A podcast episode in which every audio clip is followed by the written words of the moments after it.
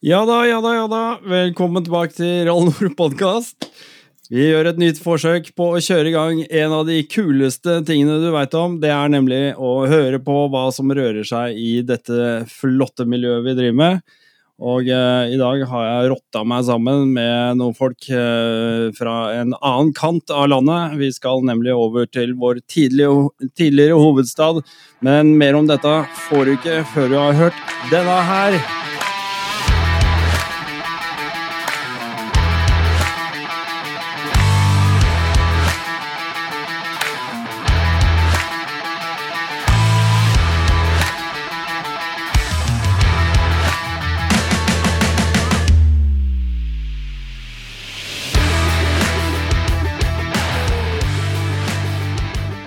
Ja, ja. La meg bare være den første til å innrømme at uh, jeg akkurat har fått dempa rødfargen i trynet. Fordi at uh, vi har allerede, nemlig, spilt uh, inn på lydbånd. Men vi glemte å ta opp skjerm, så vi har allerede rulla godt en stund. Men uansett. Nå ser dere studio! Dere ser folka, dere veit hva dette dreier seg om. Det er motorsykler med knotter på hjula, og vi har ikke fått tak i ingen ringere enn eh, Jon Øyvind Kvam, Elias Seljeseth og Niklas Haugen. Hallo, gutter! Hallo. Hei. Hei, hei! Vel, vi har kåla litt i studio allerede. Eh, vi, har, eh, vi har egentlig bare tatt en lydsjekk. Det, er, eh, det har ikke foregått noen feil.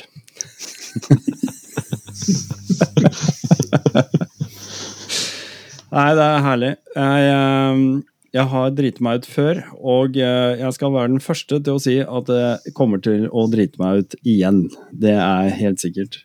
Men uh, uansett, dette får vi til med det gode humør dere har der borte i uh, Trøndelag, så regner jeg med at det går helt fint. Skal vi ta en sånn uh, liten kjapp, kort intro igjen? Vi har øverst til høyre, der har vi Det var meg. ja, jeg heter Niklas Haugen. Jeg er 30 år og har samboer og barn på fem år hjemme. Nei, fire igjen. Blir fem snart. og er bergtekniker til Sintef. Og kjørt motorsykkel i fire-fem år, storsykkel. Hadde et par år med crossykkel når jeg var 13-14 år, men ellers så er det bare lett sykkel fra 16 og kjørte opp til mellomtung i 2019. Men da var det bare asfalt med en Yamaha XJ 600 tur-retur-jobb hver dag. Så kjøpte jeg Metalé i når jeg kjørte opp til Tung, og da begynte jeg å få litt opp til grussykkel. Så Supert. ble det en liten europatur med den, bare asfalt og litt innom grus, og fant ut at det var kjempeartig. Så når jeg kom hjem til Trondheim igjen da, så tror jeg var OTC jeg sendte melding og spurte om noen ville leke med meg i Trondheim, for jeg, jeg visste ikke hvem jeg kunne kjøre med. Da hadde blant annet han, eh, han Elias sendt melding, og jeg tror det var Kjetil Sand som sendte melding og sa at det blir en ny, eh, en ny gruppe i NAF Trondheim som het Skogsgruppa. Den skulle begynne med litt Mm. gruskjøring og sånt. Så jeg møtte henne opp der i skogen der og kjørte. Og ja, NAF NAF MC, det er huset og skauen bak der, ja. Jeg har vært innom. ja han Elias Neste. var innom et par timer der òg. Ja, supert. Stuekvarteret vårt. Det er fint der. Det er det. Ja, da kan jeg jobbe med da. Etter Ja, vi Elias kjører Vi er 29 år, bor i Eller er fra Klæbu, bor i Trondheim. Har samboer. eh, Starta, starta karrieren med ja, 10-12 med crossykkel. på Kjøre på åkeren opp i skogen, sånn som alle ungdommene gjør i Klæbu, egentlig. Mm. Eh, Kjørt, eh, aldri kjørt noe cross eller noe sånt som profesjonelt eller på bane, bare leking i skogen. Og det kjørte opp til lett MC når jeg var 16 for å kjøre til skolen med. Og så kjørte jeg opp til mellomtung når jeg var 4, nei, 21. Og så kjørte jeg til tung når jeg var, var 24, da. Og da var det egentlig bare asfaltkjøring hele tida. Men så gjorde jeg den blemmerten da når jeg var 24, at uh, det var fire, fire, eller fem dager etter jeg kjørte opp. Så, så klarte jeg jo å kjøre av meg lappen, så det sang etter. Så det ble jo, ble jo mange måneder uten førerkort, og mange måneder betenkningstid på hva han skulle gjøre for noe at det der ikke skal skje igjen. For det er jo veldig dumt. Det er det jo. Og det lærer en jo den tunge måten. Så da fant jeg ut at jeg skulle kjøpe den mest store gubbesykkelen jeg visste om, og det var en 1200 GS 18-modell som jeg spinka og spart i de månedene. Og så ja. ble det bare mer og mer grus gjennom NAF MC og bekjentskaper på OTC og sånne ting. Ja. Så da har jeg truffet gjengen her og truffet mye, mye herlige folk langs veiene. Så det var litt kort om min intro inn til grus. da. Ja, herlig. Jon Øyvind? Ha, ja, jeg har jo litt mer erfaring på baken enn de gutta her. Småpikerne. Jeg har jo vært med i miljøet litt lengre. Jeg har kjørt en del med en Kjetil som uh, ble nevnt her. Kjetil uh, Sand. Og, og har vel uh, litt vært innom hos deg, Dennis, på rollbook og forskjellige odder i løpet av tidenes stand. Ja. Men uh, ja, jeg har jo hatt noen runder i Jeg har gjort mye dumt, da. Så det er jo en fellesnevner vi har. learning the hard way. Ja, det er learning the hard way. Det er ja, ja. proper. Proper. Do it ja. proper. Ja.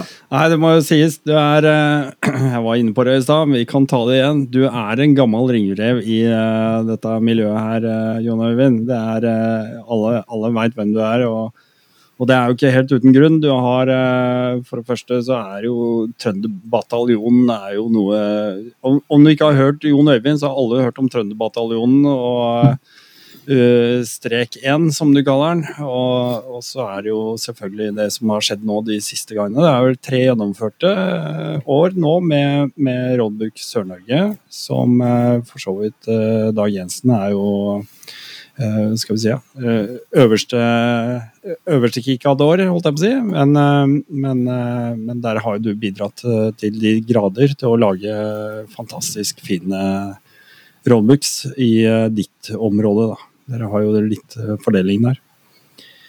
Men kult å ha dere med. det er ikke helt uten grunn at, at vi har tromma dere sammen, tre stykker nå. Det er jo fordi at jeg på min uh, Roadbook eh, Sør-Norge-tripp i fjor, eh, så hadde jeg en hel eh, sideveske stappfull av lydutstyr og mikrofoner og headset og det som måtte høre til, og hadde jo friskt eh, pågangsmot og skulle lage en podkast med dere tre i fjor. Eh, fordi at eh, dere hadde nylig kommet hjem fra en, en liten tur som dere hadde.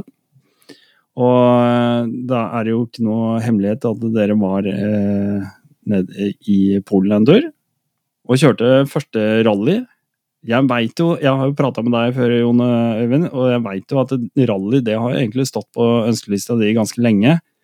Uh, og du var veldig sånn Å ja, jeg må gjøre det, jeg må gjøre det nå. Men du skal få si mer om det. Men uh, kan ikke dere, en av dere, bare bryte inn og, og fortelle litt om uh, hva som ja, var liksom ideen, og, og liksom hva som var kicket for å komme i gang med det her? En av dere. Jeg kan jo begynne litt, jeg nå. Ja, ja. Det var jo litt sånn unnselig eh, kommentar på Facebook eh, om et rally som var relativt nære. Alle har sett på, på, nei, på Hellas og Kroatia og sånne ting. Mm. Og Det føltes litt uoverkommelig, litt langt, litt stort. Ja. Men Polen, dit går det an å kjøre. Eh, med bil. Ja. og det, dit går det an å liksom, det, det er gjennomførbart. Det, det, det er nært nok med at det er en flytur hjem hvis man skal krasje. Da slipper man litt sånn Det, det føles nært, eh, på en måte. Er det mulig å ta fly hjem ganske fort etter å ha ja.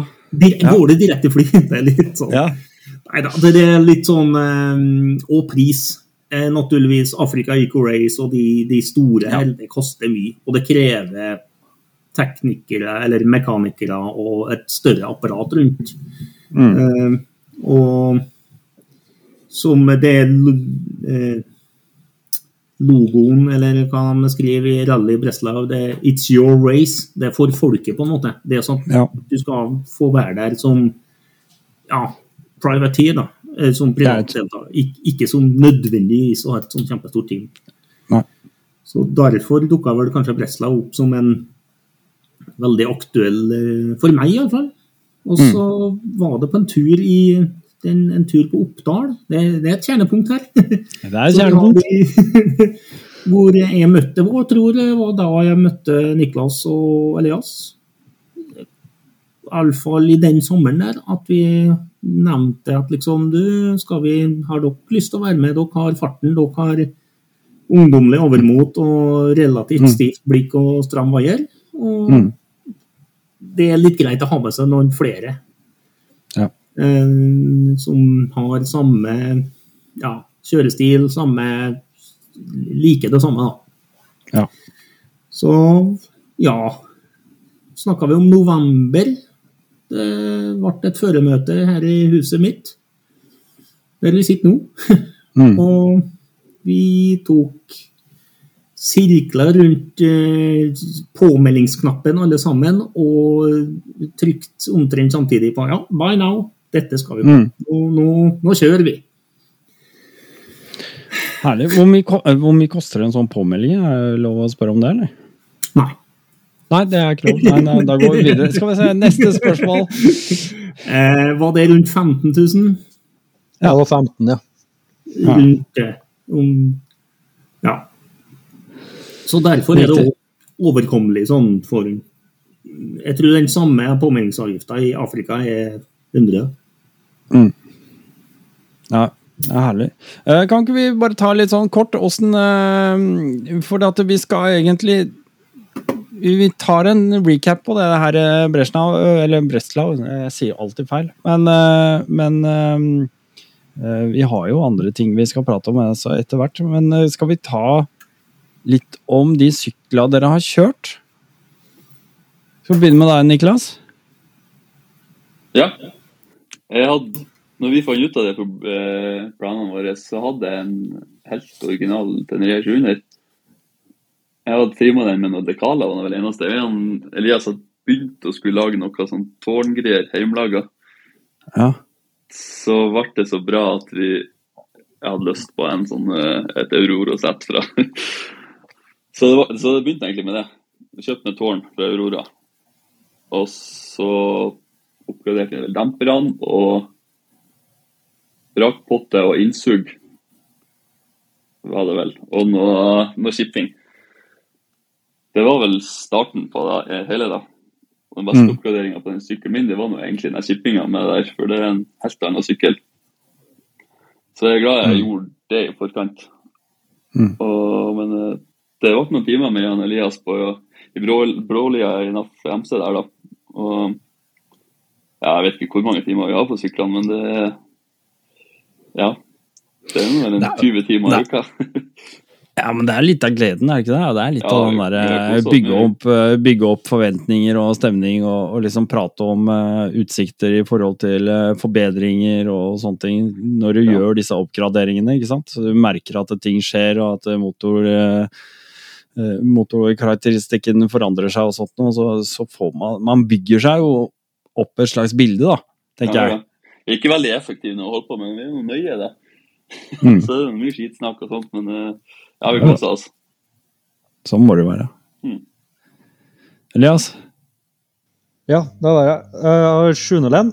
Har Jeg, jeg, jeg kjøpte den med ferdig Aurora-kit. Den tror jeg, jeg husker ikke når jeg kjøpte den. Jeg tror det var 21, øh, 21 tror jeg jeg kjøpte den. August 21.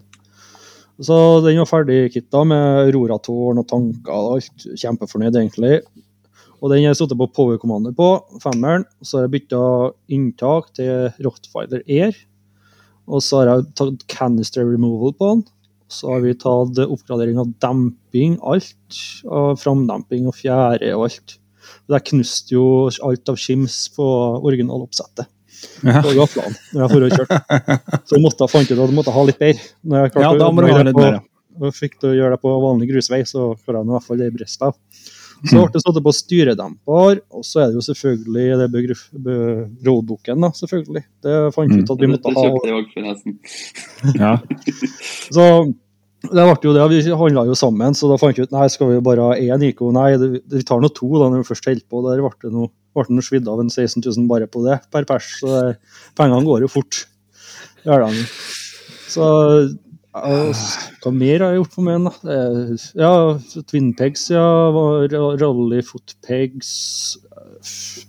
Ja, det er, det er mye. Det, det jeg har ikke lista foran meg, men den er skruen som går gjennom baktanken, og den er forsterka Ja, ja, ja. ut. og det, Lista er lang, men eh, man lærer seg å kjenne sin egen sykkel. da, Og det er som Niklas sier, at det blir en del skruing. For at Før Mm. Bretsla så skrudde jo fra min sykkel i monokyla.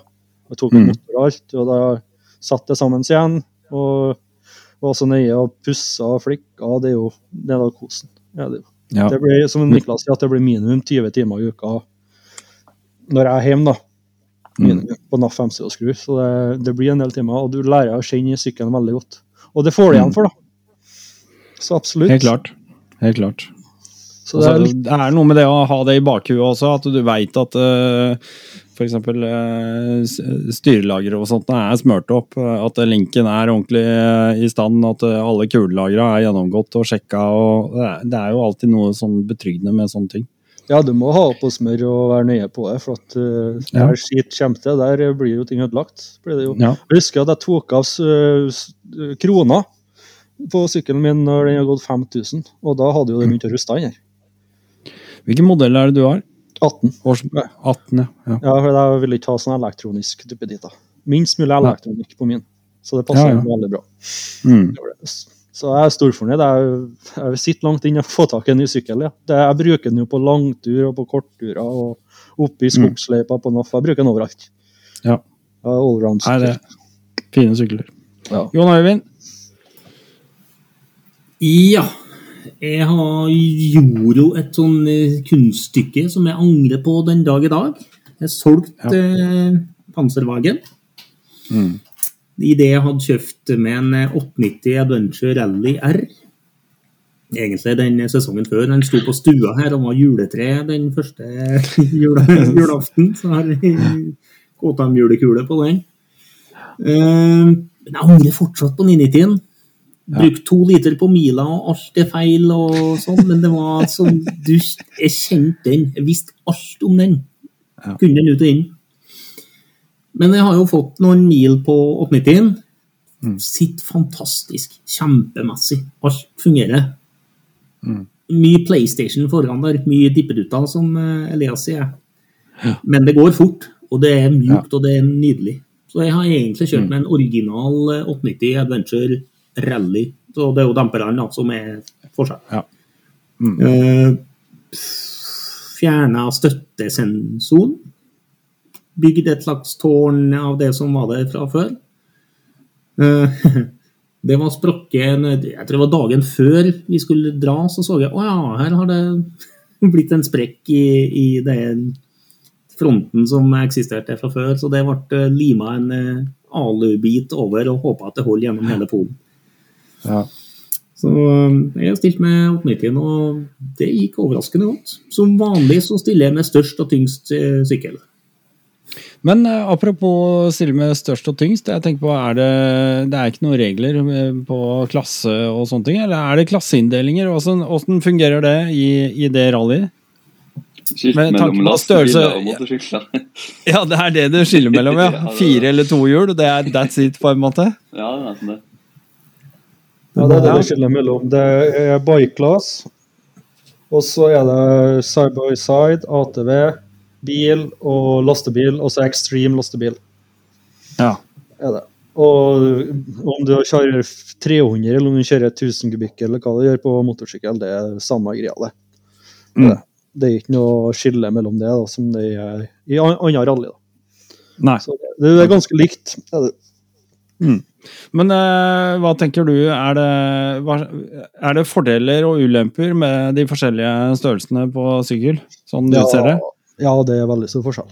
Når du konkurrerer med en som har eh, 350, tror jeg var minste som var på Breslau. Og når du kommer med en 890 som en Jon Eivind, så har du jo ikke sjans i dypsand. Vi snakker sand. Når du, hvis du stopper, så synker du ned 1,5 meter på det verste. Ja. Det, det er helt, helt fortreffelig deilig å stå i 50 grader og holde på nedi der. og holde på Så det, og det var bare forsmaken. Jeg tror vi skal komme tilbake litt, men uh, sykkelstørrelse har veldig mye å si. Og sammen med meg som har uh, ekstra tanker foran. Jeg har jo Mm. 28 liter fuel, og hvis, hvis jeg kjørte en etappe med fuel i framtankene, så sank bare framhjulene uansett hvor langt jeg var bak. Så der måtte jeg bare kjøre med baktank. For at det var, det var sånn pulver, du bare blåser på det, så bare for. Sånn, ja. Så det, det, var, det var 100 pluss, og så var det håp på det, at du traff på notene. Hvis ikke, så Mm. måtte det stoppe. Så det er stor forskjell på sykkelinndeling. er det. Vi, er jo, vi var jo noen av dem som kjørte tyngste syklene. Det var Mm. Det var veldig mange med 450 og 500 og 450 rally replikker. og det, det var ikke så mye, mye smått, nei. Det er stort, men det. Niklas, åssen eh, Åssen var eh, underlaget generelt eh, på Kan du si litt om lengden og sånt nå, på eh, distanse og sånt nå, eller? Si noe om liksom, Ja. hvordan det var? Ja, vi fikk Var? jo en skikkelig overraskelse med den eh, sanda.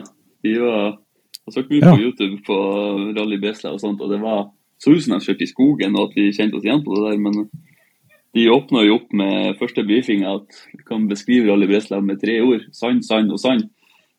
Så vi var litt sånn eh, Hvordan skal vi gjøre det her? Vi har jo aldri kjørt på sand. Nei. Så det var Det var vel 150 mil i hopen på alle stagene, tror jeg. Og en nattstage skulle det være, og en maratonstage på Ja, nå må noen hjelpe meg, men jeg husker ikke hvor lang den var. Den var på 32. 32. Mm. Så det var en del kjøring.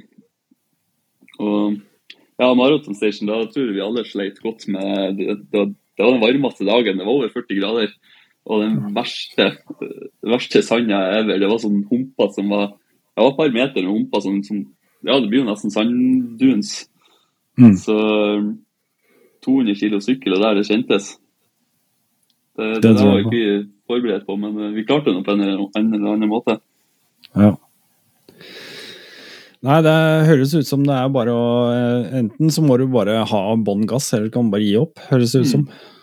Det var litt artig på Det ble jo to nattstage pga. noe Det tok lang tid å bytte biovekk til slutt, så det ble en nattstage av en dag som skulle vært dagstage.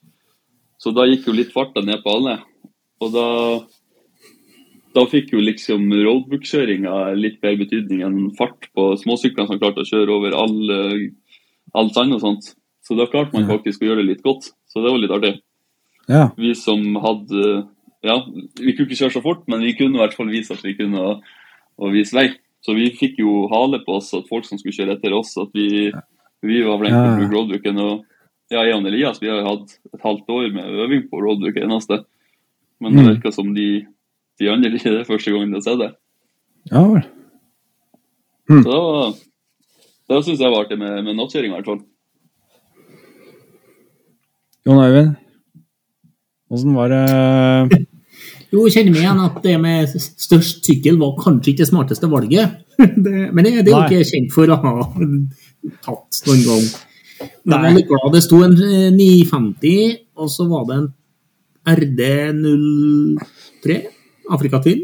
Så sånn, det er flere voksne, voksne folk her med storsykkel. Men eh, det å bli kasta ut i den halvmeter sanda, første den qualifying stagen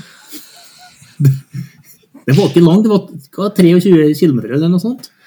Og det, der ble man fort konfirmert på at det her er du ikke godt forberedt på.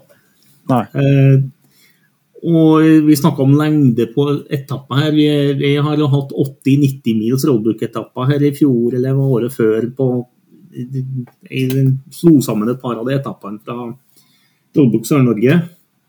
Mm. Det er ingenting i forhold til 300, 200 km på det sanda som var der. Nei. Nei. Åssen tenker jeg da Når jeg hører det der, så er jeg litt sånn Ok, da skjønner du at eh,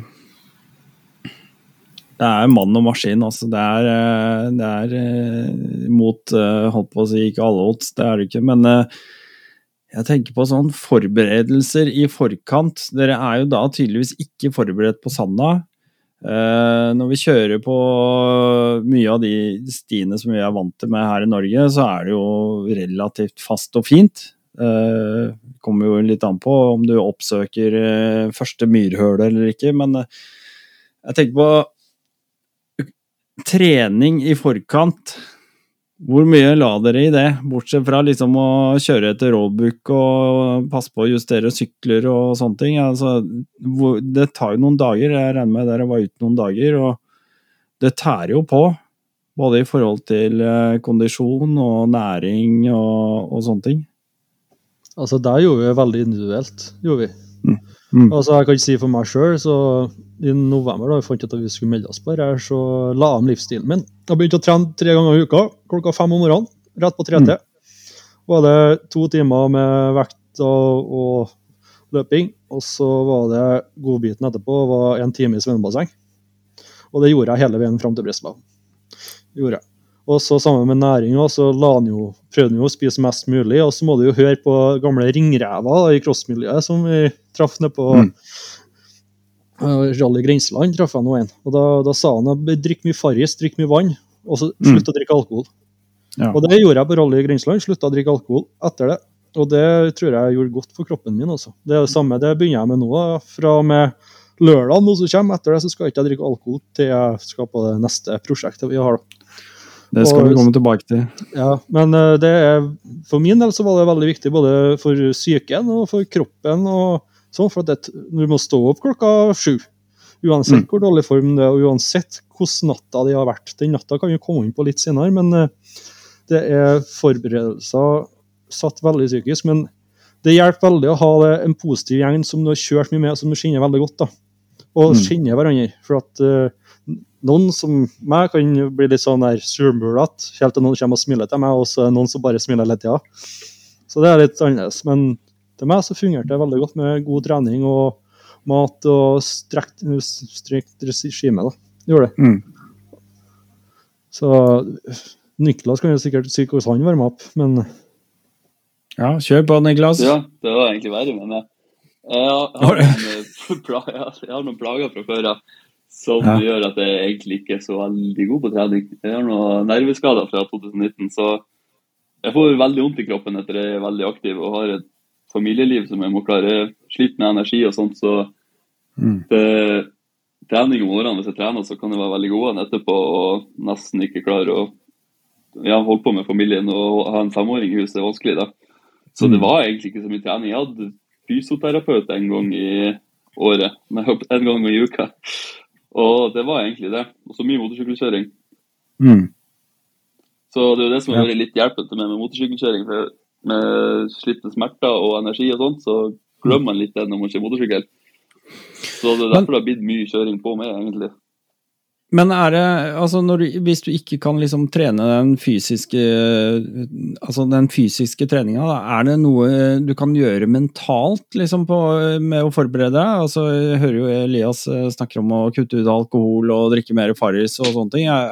Var du inne på de greiene, eller? Eh, ja, jeg prøvde å kutte ut alkohol, gjorde jeg. Og det mentale Vi tok en skikkelig test av sykler og kropp på Rolle Grensland, egentlig. Mm. Og Elias vi tok det skikkelig ja, vi, vi, tok og liksom lata som at det var to stager, og, og kjørte godt. Og vi tok ikke noe ispause og sånt. Vi, vi kjørte hele i en slurk og, ja, og testa ut kroppen hvordan det var. For det var ganske lange mm. Ja. Så vi var spent på hvordan kroppen klarte å ta så lange og to dager på rad. Og I tillegg så var vi jo på en ukestur i forkant av Rally Grenseland. Mm. Så vi var hjemme hos feira 17. mai, tror jeg, og så snudde vi og kjørte oppover igjen. Så det ble noen mil. Da mm. fikk vi skikkelig ordentlig eh, testa ut kroppene, og det funka veldig bra. Vi var gode, var vi, men eh, det funka. Mm. For det der er jo, det du sier nå er jo vel så viktig som bare det å altså, eh, pumpe jern og løpe og sånt noe. Det er kjempefint. Men, men det er jo akkurat på de der utholdenhetstinga, når du begynner å liksom slite gjennom mange timer. Det er da du begynner å bli kjent med deg sjøl. Hva er det som er igjen i bånn av den bøtta her? Og vanligvis så har du jo masse mer å gå på, egentlig, når du tror at du er helt dønn ferdig. Eh, som kamerater så er dere vel kanskje litt individuelt i- stilt i forhold til hvordan uh, gjennomføringa av dagen og sånn går, men, eh, men eh, jeg tenker at eh, det er jo kult å se at kameratene kommer i mål også. Ja, jeg tror var godt at i hvert fall jeg Elias tok denne turen i lag for å skjelle litt hverandre òg. For vi, vi, vi er to helt forskjellige personer når vi er sliten, og man Ja. må klare å leve med hverandre når man er, velger en sånn der eh, rallyetappe og sånt. Vi bor oppå hverandre. Så Ja. vi må klare å takle hverandre òg. Man blir sur og jævlig med hverandre. og Man bare sånn vet hva, som, hva man må gjøre for å takle. Mm. Uansett hvor gode venner man er, så er man lei av hverandre etter det. I hvert fall et sånt rally som vi var på. Jon Øyvind, hvordan var eh, din opptrening i forkant av eh, dette her? Vi har litt nedadgående eh, trapp med tanke på eh, forberedelser her. Vi starta sterkt med en Elias. Og så har jeg sånn, eh, sånn arbeidsgiver som driver med sånn at man må være der. Å ja, du må være på jobb, faktisk. Ja, ja, eller gjøre iallfall noe sånn på dagtid. Ja, så de guttene her, eh, det var litt hjemmekontor og sånn på, på hele den vinteren her, men guttene kom jo på våren og var ute på roadbook og kjørte. Kom innom og var med ute og kjørte. Altså. Ah, Så jeg har absolutt hatt lite fysisk oppkjøring. Mm. Eh, Jeg kjøpte meg også den Mercedesen, gamle Mercedesen, ja, det var vel på tidlig desember, og drev og shina og prøvde å få den til å bli Iallfall komme oss ned til Polen.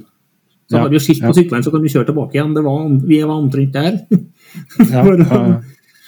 Og, så jeg har en mye dårligere oppkjøring. Altså, jeg flyter jo litt på rutine på det med roadbook-kjøring, trodde jeg. da. Altså, navigeringen, det skulle sitte. Det, det skal jeg få til. Jeg vet at tempoet ikke blir så hardt som gutta som har kjørt så mye. Og det måtte jeg òg kjenne litt på. Ikke satt Mm. så hardt. Jeg er tross alt noen år eldre òg. ja, det er noe med det. Man må være litt uh, Men, men, bevisst på eh, seg. Jeg når har en dårlig opps oppkjøring.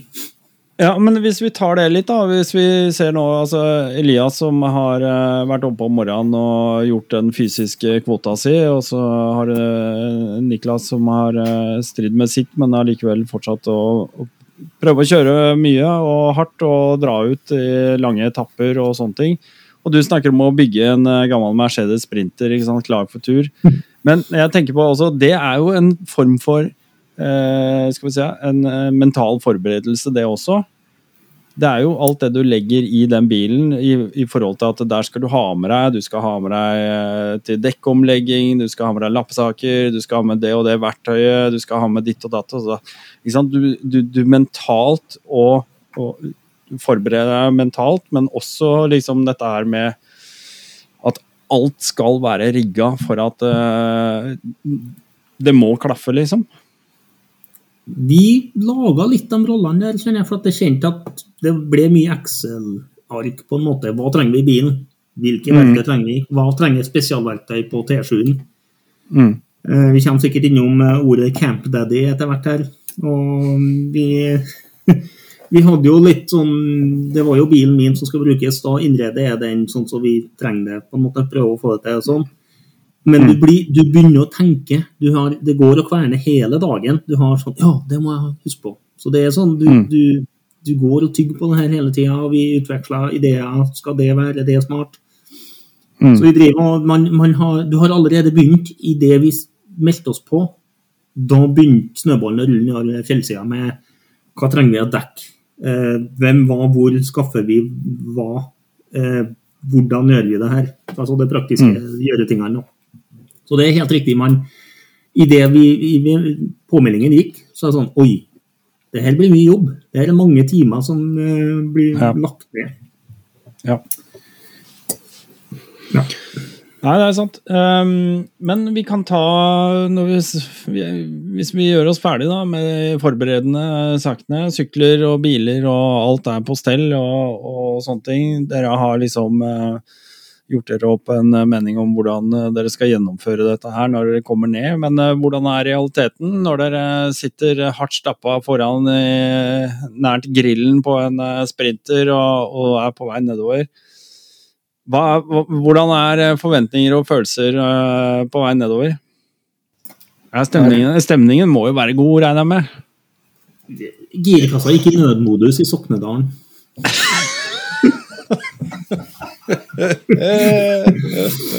Vi kjørte ned til vi kjørte, Jeg tror vi hadde maksfart 85 eller noe sånt ned til Montebello eh, dag én. Med en 6,5 meter tilhenger som hadde ca. 4 gram kulevekt. Eh, eh, og det hadde vi jo Det her var tidlig i juni. Eh, Det begynte å bli hva, si det var en 25 grader eller noe sånt i, i Norge på denne tida, på tur sørover. Eh, Det er ikke aircondition i den sprinteren. Nei. Det er bussdør, og så er det ett vindu som kan rulles ned. Førervinduet kan rulles ned. Ja. Det ligger, det ligger og ulmer en sky her hvordan det her blir. Så med de forberedelsene vi hadde, nå går startskuddet. Sykler var i, plassert bak i henger, utstyr, pop-up-telt. Eh, mat og drikke, real turmat, hele sirkuset. Det, det, det begynte å reise nedover. Girkassa gikk i nødmos i Søknedalen. Vi holdt stødig kurs, lå bakom en annen lastebil hele veien ned til Montebello. Vi bestemte to dager før avreise at vi kjøper oss et ekstra døgn. Og det var Ja. veldig smart. Ja.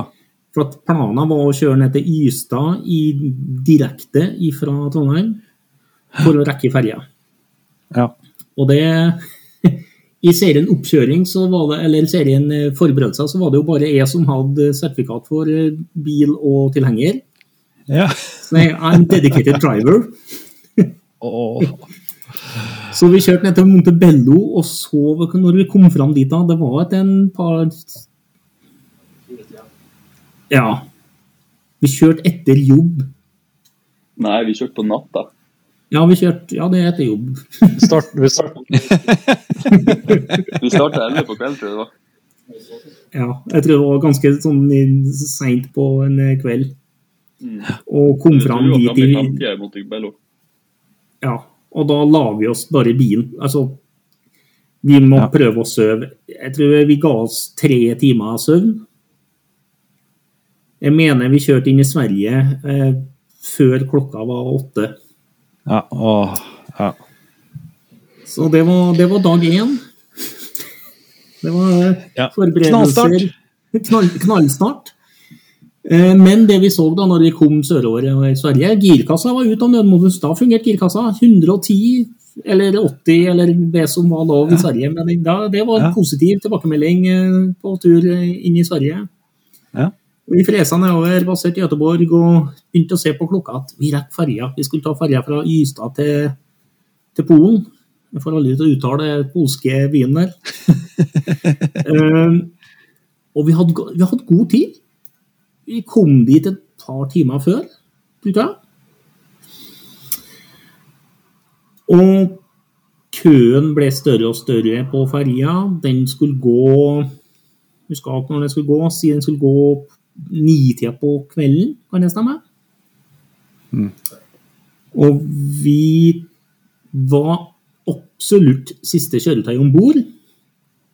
Så da har vi venta tre-fire timer, kanskje mer, på ferjeleiet der. Og det siste Det hun billettdama sa eh, åh, Hvordan formulerte hun Hun sa det at eh, ja eh, If you're quick, you may, might get some chairs to sleep in. Sa, Ja, sa hun riktig. Og så Nei, Riktig. vi hadde bestilt cabin. Vi, vi hadde liksom ordna oss vi skulle ha god natts søvn før vi kom til Polen. var vår, vår det, det hadde vi tenkt på. Det, hadde, det var en del av planen. Eh, Den har blitt avbestilt av det selskapet. Ferjebilletten var der, men vi hadde ikke fått den, den, den lugaren. Så var vi absolutt siste person, eller siste kjøretøy om bord. Eller kanskje en av de tre siste.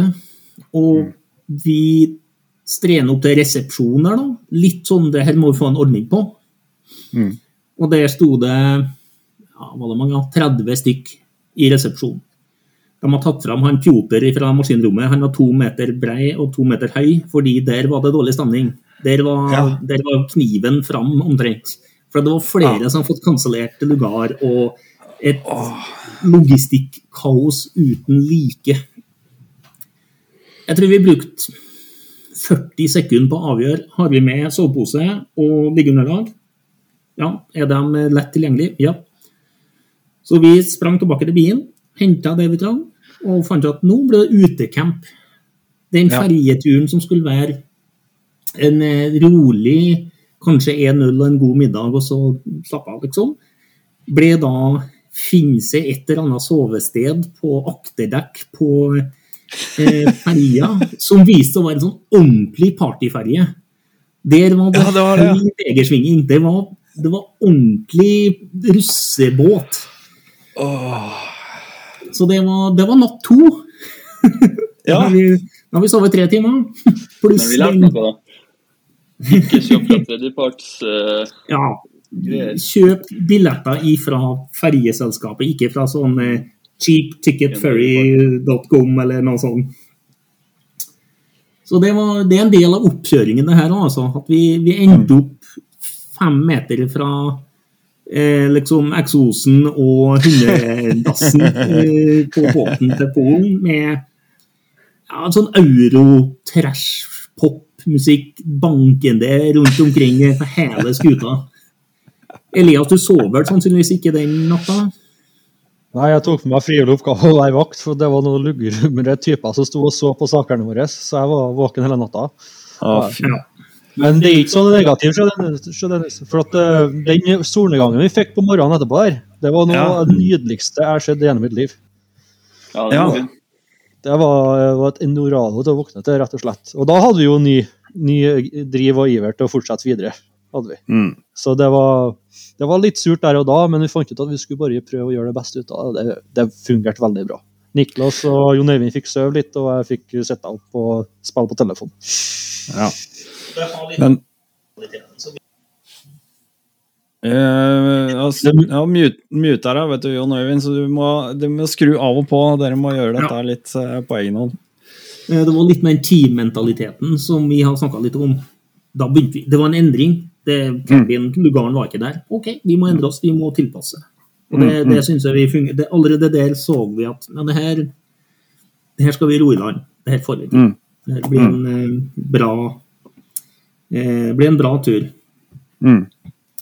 Vi var sistemann av ferja og ble stoppa i tollen. Og da sånn eh, vi så, nå, nå blir vi stående her i Ja. ni timer. Ja, ikke sant? Jeg tror egentlig han bare skulle ha jeg tror det var sertifikat og Ja. pass. Det gikk egentlig ganske greit. Vi venta kanskje et ti minutter kvarter. Ja. Så var det 40-45 mil til første camp. Ja, hvor, langt ned, eh, hvor langt ned er det totalt? Til Er det 1. langt sør i Polen, eller? Ja, sørvestlige hjørne. Wroclaw. Okay. Breslau er det gamle navnet, eller det tyskerne brukte. Jaha. Så vi hadde jo litt eh, Vi hadde jo noe stopp på turen nedover. Ja. Det jo vi, eh, vi hadde jo Det er jo fuel til diesel og kanskje en, en eller annen drikkestopp, da. Jeg tror vi har fylt diesel én gang og var på andre stansen for dagen. Og vi, hadde, vi skulle jo fylle bensin, da hadde med oss en fem-seks bensinkanner eh, til å ha til syklene. Og eh, skulle ha diesel på bilen. Svinge inn på en eller annen BP-stasjon eller et eller annet sånt i Polen. Og ja Bilen min er 7 meter og 60 lang, pluss hengeren tror jeg var 6,5. Eh, Et sneia hjørne på en Toyota Yaris med tilhengeren. Nei. Jo da. Klaska borti et eh, to unge jenter som skulle ut på, på badetur med barna sine den, eh, på den bensinstasjonen der. Og da blir man litt svett, og det er litt stress. Du blir kjefta ut i et kvarter på polsk av ei 20-årig jentunge. Ingen engelsk. Eh, prøver å forklare litt om forsikring og skademelding, sånn som vi er vant med i Norge, og det, det satt ikke. Uh, ja uh, det, det, det var litt dårlig stemning. Ja, det skjønner jeg. Det var, ikke, det, var ikke, det var ikke, verdens beste sjekketriks, antagelig. Det var ikke vennskapsby der. Det, nei, nei. nei. ikke der. Og man blir jo litt eh, sånn irritert på seg sjøl. Sånn, det var så unødvendig. Det var sånn fire centimeter klaring, og det, det gikk akkurat ikke. og sånn. Ja. Og det endte opp med at eh, det var så lavert språknivå, eller felles språk, da, at hun ville hun ringte politiet. og OK, da, da ordner det seg. Få tak i politiet, liksom. Det, det er en trygg, trygg base. Og jo, jo, det ordna seg, det. De snakka med henne et kvarter på polsk, og så var det min tur. da, da, igjen, det er fortsatt bare jeg som har sertifikat for det her jeg kjører ekvipasjen. Um, så vi endte opp med ingen engelsk, eh, men de klarte å forklare at hun skulle skrive elektronisk skademelding. Og vi hadde ingen ja. skader på tilhengerhjørnet vårt. Eh, og så måtte jeg betale, betale jeg tror det var 1200 slåti. Okay. Mm, ja. Og det tror jeg 3000 det var 3008 eller noe sånt. Norske. Ja. Og det måtte betales cash der og da. Ja. Til politiet, ja. Til politiet, fordi at de har møtt opp. Det er på en måte timesbetalingen for eh, at de har brukt din tid. Og liksom, vi i Norge er ikke vant det, Jeg tror ikke det er en det, tror, La oss nå si at det ikke havna rett i rett i pengeboka til han Vi fikk en kvittering på den. Den bare rammer inn. Den ligger i mersa. Men um, det, det, var jo noen utforutsette utgifter på den turen her, da. For ja. å si det sånn. Men uh, fikk de pengene sine, så var de fornøyde. og da kunne vi kjøre videre og tasse av gårde mot, uh, mot leir. Uh, og da begynte vi kanskje å kjenne litt på tidsnød. Husker dere det? Ja, det som var at Etter det juleka så var vi jo ganske lei, vet du. så da tenkte vi bare vi skulle bare komme oss ned fort som bare det. Til camp, så vi får slappe av og sånn. Så da stoppa vi på en butikk. Og vi, så satsa Vi må ha vann og mat. og så Da kjøpte vi jeg tror vi kjøpte 40 liter vann den første dagen. Så tenkte jeg her skal holde. Og så tassa vi videre, og så begynte vi å komme vi til Vi var vel en kilometer unna der vi skulle campe, eller der, der starten går. Og så begynte vi å se der var det rollebiler, der var det rollebiler Der skal ned, ja. Da begynte det å gå opp for meg, iallfall. Så, mm. så svingte vi til venstre, og så inn på sånn her veldig luguber grusvei. Så kjørte vi 200 meter, og der var det bare pang! Der var leiren. Og, ah. og, ja, og den var svær. Da gikk det opp for meg at hva, hva vi gjør her. Vi er jo bare fra Norge. ja, så da, da, kjørte vi fram til teamet, som, eller Orga, da, som kaller seg sjøl, som sto der og tok imot. Og så fikk de latteranfall når de så at vi kom med den gamle sprinteren. Har dere kjørt helt fra Norge med det der? dere er jo gærne! Det, da, får du, da får du passet stempla. Ja, du fikk ja. passet stempla ganske godt. Men det var god stemning. Jeg syntes det var kjempeartig. Det var nordmenn, for det var lenge siden det hadde vært med noen nordmenn på det rollet, faktisk. Ja. Så det var, det var kjempeartig. Og så fikk vi stempla noen papirer, sjekka vi var deltakere og sånne ting. Og så fikk vi bare beskjed finn dere en camp, og der skal dere være. Og så begynte vi å trille inn gjennom der. Så det var ikke så veldig mange, for det kom jo to dager før det starta. Men det sto jo lastebiler der, og det var teamtelt som fra Dakar. Da snakker vi en 20 mekanikere bare. Mm. To-tre mm. lastebiler i teamet, og det var svært. Og så det, det, Vi havna jo inne på en gammel fangeleir fra The Great Escape, hvis du har hørt om den filmen, Dennis? Ja, ja, ja. ja vi, der campen var, det var der den fangeleiren var. var det. Så mm. når vi, vi kjørte fra Vi kjørte, fant oss en plass, her er det sikkert greit feisa sprinteren ut og hive opp teamtelt og sånne ting. For det gikk ganske radig, for vi hadde jo øvd på det her før. Vi hadde Mm. hatt eh, tørrtrening, så vi hadde jo etablert camp i løpet av en halvtime. Men når vi skulle begynne å slå ned teltfluger, så tenkte vi å slå med hammeren. Og da var, det- var litt rar følelse når du finner mursteinbiter og treplankbiter fra Ja. den konsentrasjonsleiren som var der. Ja, ja, Da fikk du, da fikk du enda til litt sånn Oi, nå står vi litt på sånn hellig grunn her. Det litt sånn Ja, det må bli litt sånn spesielt. Du blir litt satt ut av den fokusen du er der for da. Når du Ja, begynner å vart slå sammen to pluss to og skjønne hva som egentlig har foregått her. og- Ja. Så det, da tror jeg alle sammen følte litt på det akkurat da jeg begynte å slå ned plugg- pluggene og ikke fikk til det i teltet. altså. Ja. Så, men eh, ja, som sagt, vi etablerte leir ganske fort, og gikk vi bort til Orga, der var det jo kø for å melde seg inn og få, få startnummer og, og tracker device og sånne ting, og betale, betale safety future. Du må leie sånne safety tracker fra dem òg, for, Mm. for å se hvor du er igjen i løypa. Så det måtte vi Mm. betale der og sånne ting. Mm. Og da, og da begynte Da tror jeg alle sammen skjedde på når vi sto i køya der, at nå, nå så gjør vi det faktisk. Og om vi klarer det litt, så blir det artig lag. Ja. Da ble det alvor. Ja, det var Plutselig. veld, veldig alvor. Alvor i alvoret. Så det Men jeg tenker på sånn, begynner sånn innledningsvis med å si ja, så så vi masse sånne rallybiler. Uh, Jeg regner med bilsport, og kanskje til og med også spesielt lastebil og sånt noe. Jeg har sånn inntrykk av at det er stort i Polen. Ja, det, med, med, det, i, I forhold til rally og offroad-kjøring og sånt. Jeg har sett masse sånne YouTube-greier fra gærne polakker som driver med alt mulig rart. og uh, Hill climbing og alt de holder på med. ja, det, det er kjempestort. Det var, var mest fra Nederland, Tyskland, så Ja. noen fra Belgia, og så var en god del fra Polen. Og det er jo de landene der som deltar. Og de største lastebilene stiller jo sånn extreme class, så det er jo bare for å kjøre i gjørmehull. Ja, Det er egen kategori, så det er jo det var, det var spesielt, for når det sto med lastebil, så trodde du jo kanskje at det skulle være litt høyt og stort og sånne ting. Mm. Men når, dekket er 1,93 høy, og når Mm. dekket går til nesa på meg, så skjønner du storheten på det her.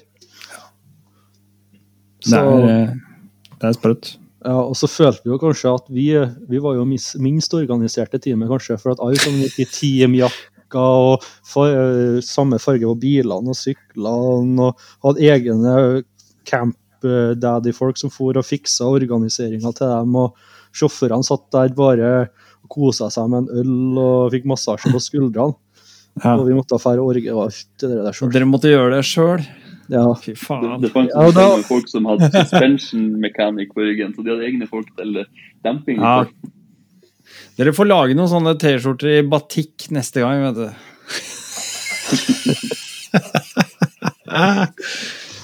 Eh, De verste fargene blir synlige med en gang. Ja, men altså, vi var, var sannsynligvis det mest kalde lavbudsjett-teamet. Ja, Mm. Det var flere som var Det kom flere som oss etter hvert, liksom. Men alle hilsa.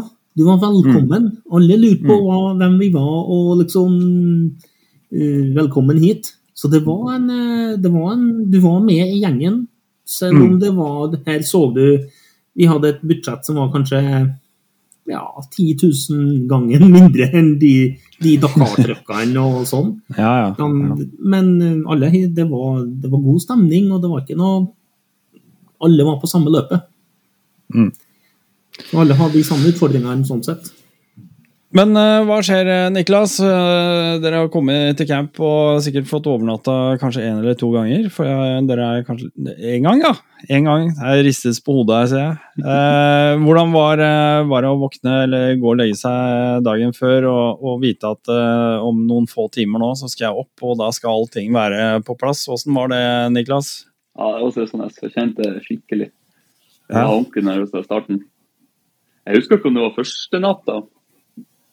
Det kan kanskje Jon Øyvind fortelle om den første natta, for da sov han Elias. ja, det var jo to netter. Var det Var det to netter? Ja, Ja, det var det to var første natta. Da var det veldig nervøst, da. og, men eh, det, når det starta skikkelig til meg, det var når vi sto foran timestamp-skiltet, og vi var så at nå skulle vi ha møtt opp, og vi var ikke klar. Ja. Eller kanskje det verste, det var når vi fikk roadbooken i handa 45 minutter fra, før de første skulle starte. Og fikk beskjed om nå endring note 46 til 60, og en endring note 1 til 20. Det nye startpoint. Vi hadde aldri vært borti sånne endringer før. Og begynte med tusj og sånn, og så stress og stress, stress. Og så så vi at første motorsyklene kjørte til start, og vi hadde nesten ikke kommet i gang. Det var, det var den skikkelige starten for oss, tror jeg. Det var ordentlig hjerte i halsen, og vi trodde vi skulle bli for sene. Og vi måtte bare rive på roadbooken på, sette den på og starte start og hoppe på det beste. da. Så det ble pangstart når det først starta. Den Ja. første dagen der, så var det Da var det krasse ord, korte setninger. Når vi fikk, fra vi fikk roadbooken, og starten var 27 minutter, etter- eller kanskje 1 time og 27 minutter etterpå. Mm. Og det var endringer, det var mye endringer. Og vi Mm. hadde med oss printer, det var vi forberedt på. Ja. Så vi skulle skrive ut endringene, lime det rett inn i roadbooken. Skulle, det, skulle være, det skulle være bra. Kjøpt Ja. ekstra blekk til printeren. Eh, Det er 45 grader i Polen på dette tidspunktet. Blekket til printeren har tørka ut. Selv om det var helt nytt. Å nei.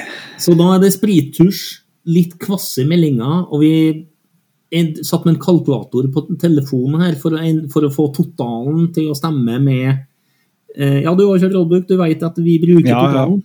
Bil, firhjulingene, ATV-en bruker det samme, men bilene bruker bare avstand mellom notene. Mm.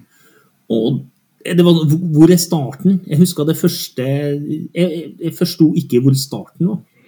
Bare den før liaison-stagen. Da Det, det var Da kjente man litt sånn ubehag. Følte seg ikke trygg på det her.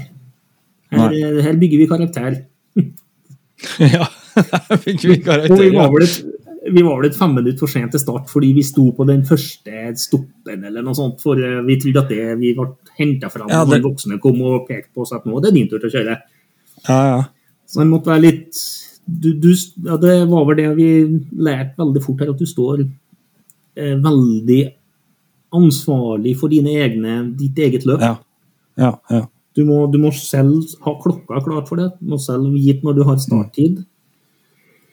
Hva du må gjøre mellom hvis du har et fem minutt, ti minutt for å fikse og ordne på ting. Men eh, hadde dere tett start? Dere tre? Uh, Jon Øyvind starta bare etter oss. To Ja. minutter. Ja. Og så jeg Nik Jeg starta vel før Nik Niklas, så jeg var Ja, førstemann ut. minutt etter det.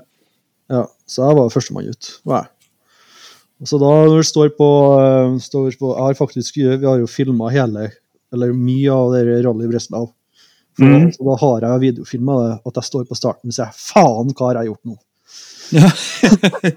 ja, du Ja. tenker det? Jeg har tenkt det, jeg sa det høyt til meg sjøl. Jeg leverte Ja. timecarden, så stilte jeg meg opp til start, og så teller ned fra 30, og så fra 10 ned, og så er det pip, pip, pip. Og så 3, 2, 1, og så går starten.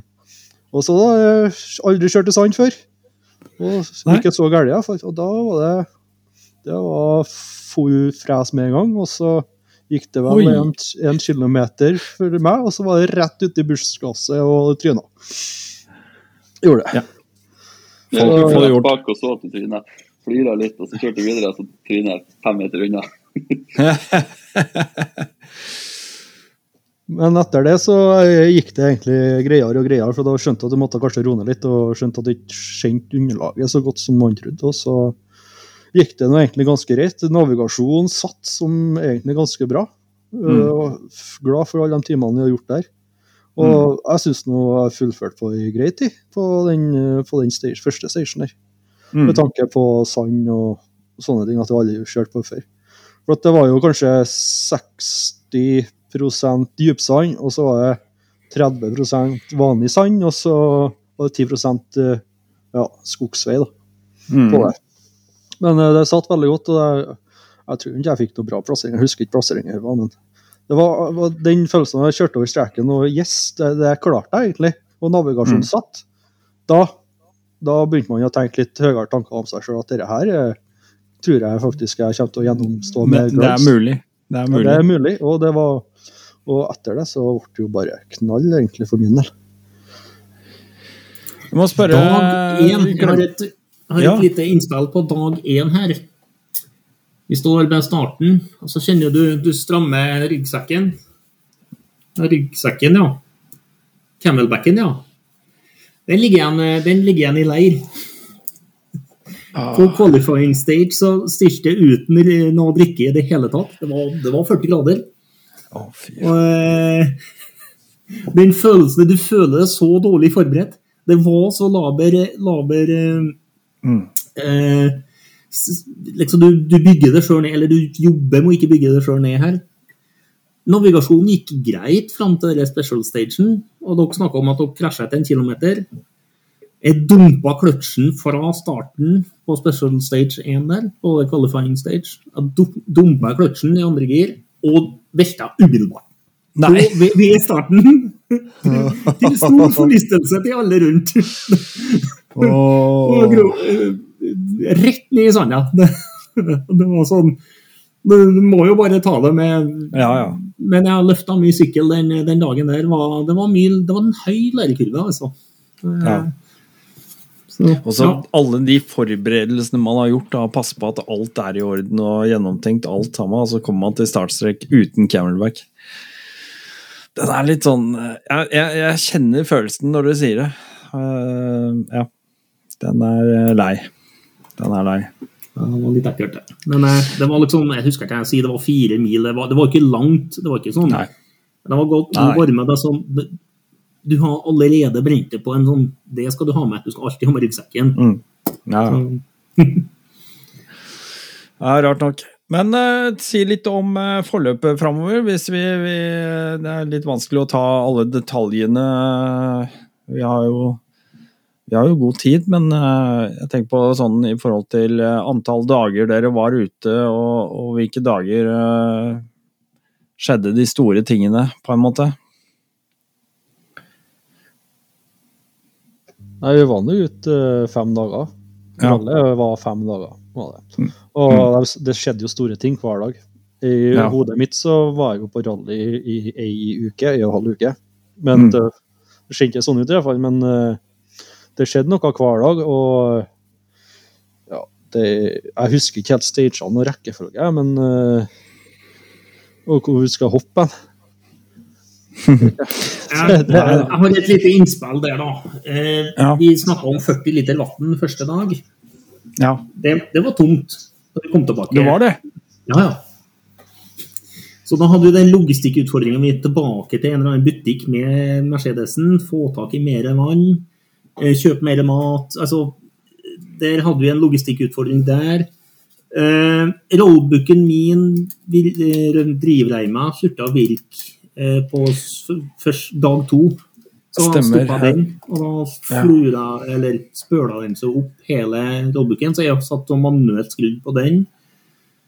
Eh, Det gjentok seg tre eller fire ganger gjennom hele, hele Polen-oppholdet, for min del. nå. Mm. Så det, det, var, det var konstant running logistics, eller reparere. Um, tordenstorm om natta er vel det noe vi kan eh, ta med. Slanger i teltet. Flått på Åh. absolutt hele kroppen. Nei, å fy faen. Ja, det, Du måtte sjekke kroppen for flått hver natt. Ja. Ja, ja. Eh, lommelykt og nakenhet og varmt og klamt.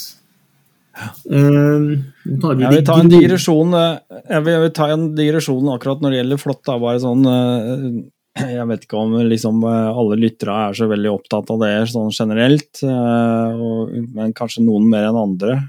Eh, Jeg fikk jo et flåttbit i 2017 som gjorde at jeg blei 110 år gammel. Altså skrotten gikk fra å være ung og sprek til å gå og holde meg i rekkverket i korridorene på sykehuset. Eh, med lammelser i trynet og mista taleevne, mista balanser, eh, mista smak, mista ja, absolutt alt, da. Eh, fasial parese, you name it. Jeg hadde alle fem de har liksom fem sånne ting de sjekker ut, da, om, som skal liksom indikere. Og da er det vanlig at du, hvis du har tre, så er det liksom Ja, det her er definitivt, liksom. Men jeg hadde alle fem, og det, det hadde de ikke opplevd før. Så det fins en flåttvaksine. Gå og ta den, de som ikke har gjort det. Eh, det blir mer og mer av det over hele landet, ikke minst. Eh, det der er Jeg unner ingen den dritten her, altså. Så nei, måtte bare ta en digresjon mens jeg hadde mulighet. Ja, og vi som kjører offroad, det er ofte telt. Og det er ofte Mm. i gresset, så det er veldig Det var, det var, det var nevnt fra Orga-folka at sjekk for flott. Mm. Eh, Elias hoppa kanskje 1,5 meter opp og til høyre når vi så den første sangen. Å, fy faen. Jeg gikk på frokosten på, på dag to. Skulle bort på Orgatella og spise frokost. Og så i går her og suser da med sånn regnfrakk fra E- Egon og pissregn og sånne der ting, og i slippersa selvfølgelig, eller crocs. da. Ja. Og, ja, og så plutselig ser han igjen, og da tramper jeg på halen til en sånn Å, Hoggan. vet fy faen. Oh. Så eh, det var, det, var, det var ikke langt unna for jeg ble bitt, men det gikk nå akkurat. Så da våkner man på, da- på dag to. Da våkner du ja. Ja. Så Niklas, da, hadde du Ja, beklager. jeg, jeg skjønte hvorfor folk gikk i støvler. Ja. Da. Det er en Da er ting det- som må bemerkes sånn bemerkelsesverdige ting. Det var noe de her Det var andre natta. Vi våkna opp av maskingevær og, og, og smelling. Og bomber som gikk av, og nødbluss som gikk i lufta, og teltet var helt rødt. Så fikk vi vite at det var militærøvelser om natta. Og vi trodde jo, Jeg var jo halvsvimmel når jeg våkna opp og trodde det var krig. Tenk, Nå var vi mange folk på én plass, nå tar de oss. Så det var, det var skikkelig jævlig. Så vi bodde jo rett attmed en militærleir som var aktiv. Og det merka vi jo under hele rallyet. At uh, når vi kjørte feil på rollbooken, så ble vi møtt med folk med maskingevær og tanks og sa Ja. Are you filming? Uh, no. Good. Turn around. Go home. Og okay. det var Elias, du kjørte forbi ei mine. Ja, det var der jeg bomma på råbukken og kjørte 50 meter feil. Ikke noe mer enn 50 meter. Så stoppa jeg, og så så jeg fire meter litt på sida av meg, og da lå det udetonert bombe. Og så det ble hardt. Eller da skjønte han at man skal ikke kjøre så mye feil ute i treningsområdet her. For at du kjørte jo blant, blant sprengte tankser og skuddmål og sånne ting. Og det var jo ikke bare natt to, det var jo natt tre òg. Var det jo. Bomber og granater. Og du, du, jeg vet ikke om du har vært i militæret, jeg har nå ikke vært i militæret. Men dere, når du kjenner trøkket langt inn i ryggmargen Ja. Altså, jeg er ganske, jeg sover veldig godt, så jeg våkner ikke av mye. Men dere der, det var noe Det var spesielt. Det det. Så Ja. det ble ikke så mye søvn de to, nei, de to første etter dag én. Altså. Dag Mm. to og tre så ble det ikke så veldig mye søvn på nattestid heller. Og det hadde jo liten innvirkning på resultatet på dag tre. Men det var jo pga. Uh, krigen i Ukraina, så var det jo De trena jo i hvert eneste mellomrom når vi ikke kjørte roadbooks. Så Orga Ah. hadde fått uh, dispens Ja, til å bruke Ja, det er fått tidspunkt, og derfor var det så mye endring òg. De har Mhm. fått eh, dispens til å kjøre mellom det og det klokkeslettet, og resten så skulle tanksene være å kjøre der vi var og kjøre. Så det var treningsleiren deres. Så det var ordentlig mye styr for Orga, vet jeg, å få til det der. Og det skal sies at han, eh, direktøren i Rally Breslau han gikk ut og sa at her er det mest krevende og mest organiserte rallyet han har vært med på sine karriere på 28 år. Og det var Mm. mest ekstreme Rally Breslau som ble organisert òg. Ok. Det har aldri vært så varmt, og det har aldri vært så mye storm, og det har aldri vært så mye militær aktivitet. da. Nei. For at eh, vi sto der og på det formøtet, og da sa han det at per, nok, per nå så er det ikke sikkert at, vi, at det blir på camp nummer to, men militæret prøver å ordne en løsning. Og det skjønner du jo når du er ute og kjører og du møter militærkolonne på kanskje 100 tankser, og de kommer det, Du møter folk med maskingevær rundt en Mm. fjellsving, eller hvis du skal kjøre hjem, og så havner du midt inne i en militærleir, og folk står bare og peker på deg med geværet og sier 'lie down, lie down'. Så da skjønner du at eh, det, trusselnivået var ganske høyt. og Du ble tatt litt mer inn i krigen nå, da, som starta eller var påbegynt. da. Jeg føler at dere har jo fått eh, oppleve det meste. da. Dere har både fått uh, skuelystne tilskuere bak på dekk på en, eh, på en ferge. Dere har fått eh, hoggorm, flått og eh, folk med maskingevær og eh, minelagt eh, felt. Jeg regner med at eh, eh, Ja, det gir vel inntrykk, men eh, hvordan gjorde gikk det i forhold til eh, gjennomføringen? Skal vi ta litt om den? Ja, Vil du at vi skal ta en dag for dag, eller skal vi bare ta Nei, vi bare kjører den nå. eller? Ja, vi tar noen sammendrag nå, for da, vi skal videre. Vi skal eh, fortsatt prate om uh, ting som kommer, men Ja. Ja, da- har du lyst til å begynne med Ja. ditt sammendrag av uh, hvordan dette gikk? Eh, det, det, jeg hadde jo aldri forventa at det skulle være så mye sand, så, så det gikk Nei. litt dårligere enn forventa. Men når, sand, når vi var kommet over kneika at det bare var sand, så syns jeg det gikk egentlig ganske greit. Vi nordmenn, eller vi tre, vi fant, oss, fant hverandre i kjøringa og dregde litt hverandre. Og etter hvert så var det mye Jan Elias som kjørte i lag, da. Mm. Og vi dreg litt hverandre og stolte på hverandre og kjørte oss i lag. Kjørte i lag. Så det gikk ganske bra. Det var noen dager der det var altfor langt og altfor varmt. Og Mm. originale sykler, det har vi lært det senere tid, at Ja. startknappene de tåler ikke sand. Nei. Både meg og Elias vi fylte opp sand i startknappen, så det funka ikke. Så vi måtte uh, dra ut ledningene og liksom tjuvkoble. Bare ta Ja. to ledninger i hopen for å starte opp. Så hver gang vi kvelte sykkelen, så måtte vi ordne det. Men det gikk egentlig ganske bra. Men uh, kroppen tærte veldig på alle de dagene. Ja.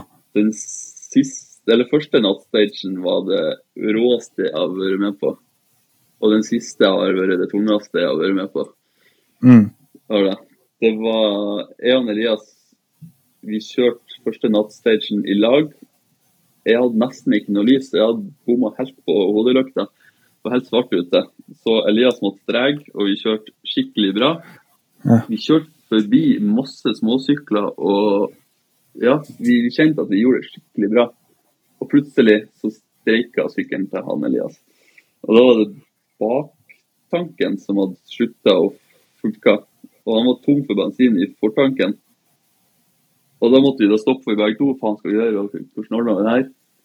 Og da kom MacGyver-løsninga inn. Vi bruker camelbacken og fyller opp den for å tømme over framme. Mm. Vi, jeg husker det var 40 minutter, 30 minutter vi mista på det der. Vi, bruk, vi mista 41 minutter på dere.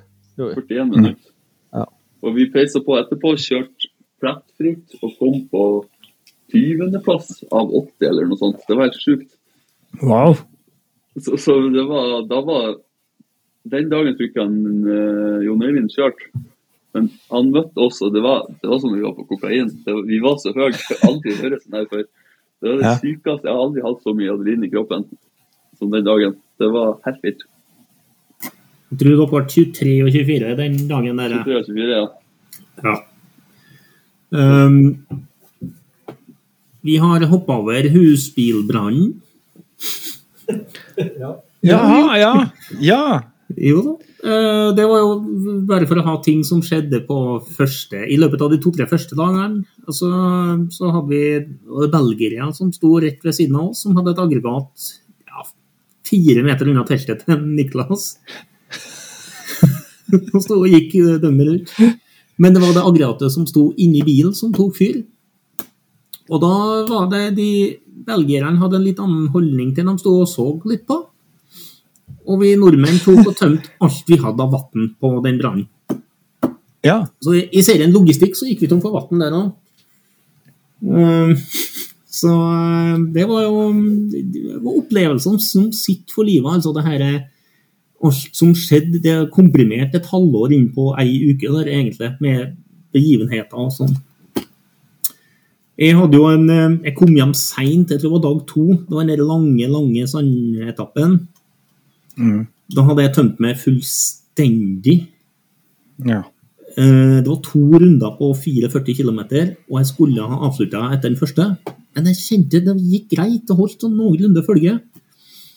Og en liten mil ut i den andre så var jeg helt tom. Bensin koka, oljen koka, alle dashbordlamper lyste. Sykkelen var for tung og stor. Det har blitt så varmt. Og de som har kjørt i sand, vet litt om det her. Når sanda er så varm, så blir den sånn løssnø. Du har ingen Det er helt uten feste. Så for min del, den kvelden der, så var det Jeg må komme hjem. Jeg klarte ikke å finne veien hjem. Det var en tysker som eh, hadde brekt, eller forstua tommelen, som sto 50 meter bak meg. Han fikk ikke til å kjøre i sand. Og så hadde vi en jeg tror det var latvier som kom med en liten sykkel som han eh, besvimte Han stoppa, bare slengte fra seg sykkelen og besvimte foran oss. Så vi laga The Brother in Arms. Han, han stoppa bare og velta av sykkelen. Ja. Um, så det var Brother in Arms. Vi må komme oss ut herifra. Og han tyskeren uh, sleit nå fryktelig med å kjøre den Han hadde 701.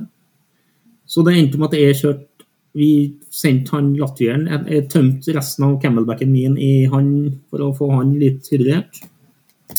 Og sendte av gårde han som scout på 450-en sin for å finne en vei. Finne et eller annet sted. Mm. Og da, sånn som en Elias eh, nevner her, da, da måtte vi ringe. Det sto tre- 30 ganger 30 meter med vimpler opp. Er det, de har ringt ut til org, Orga-gjengen, da. Er det miner?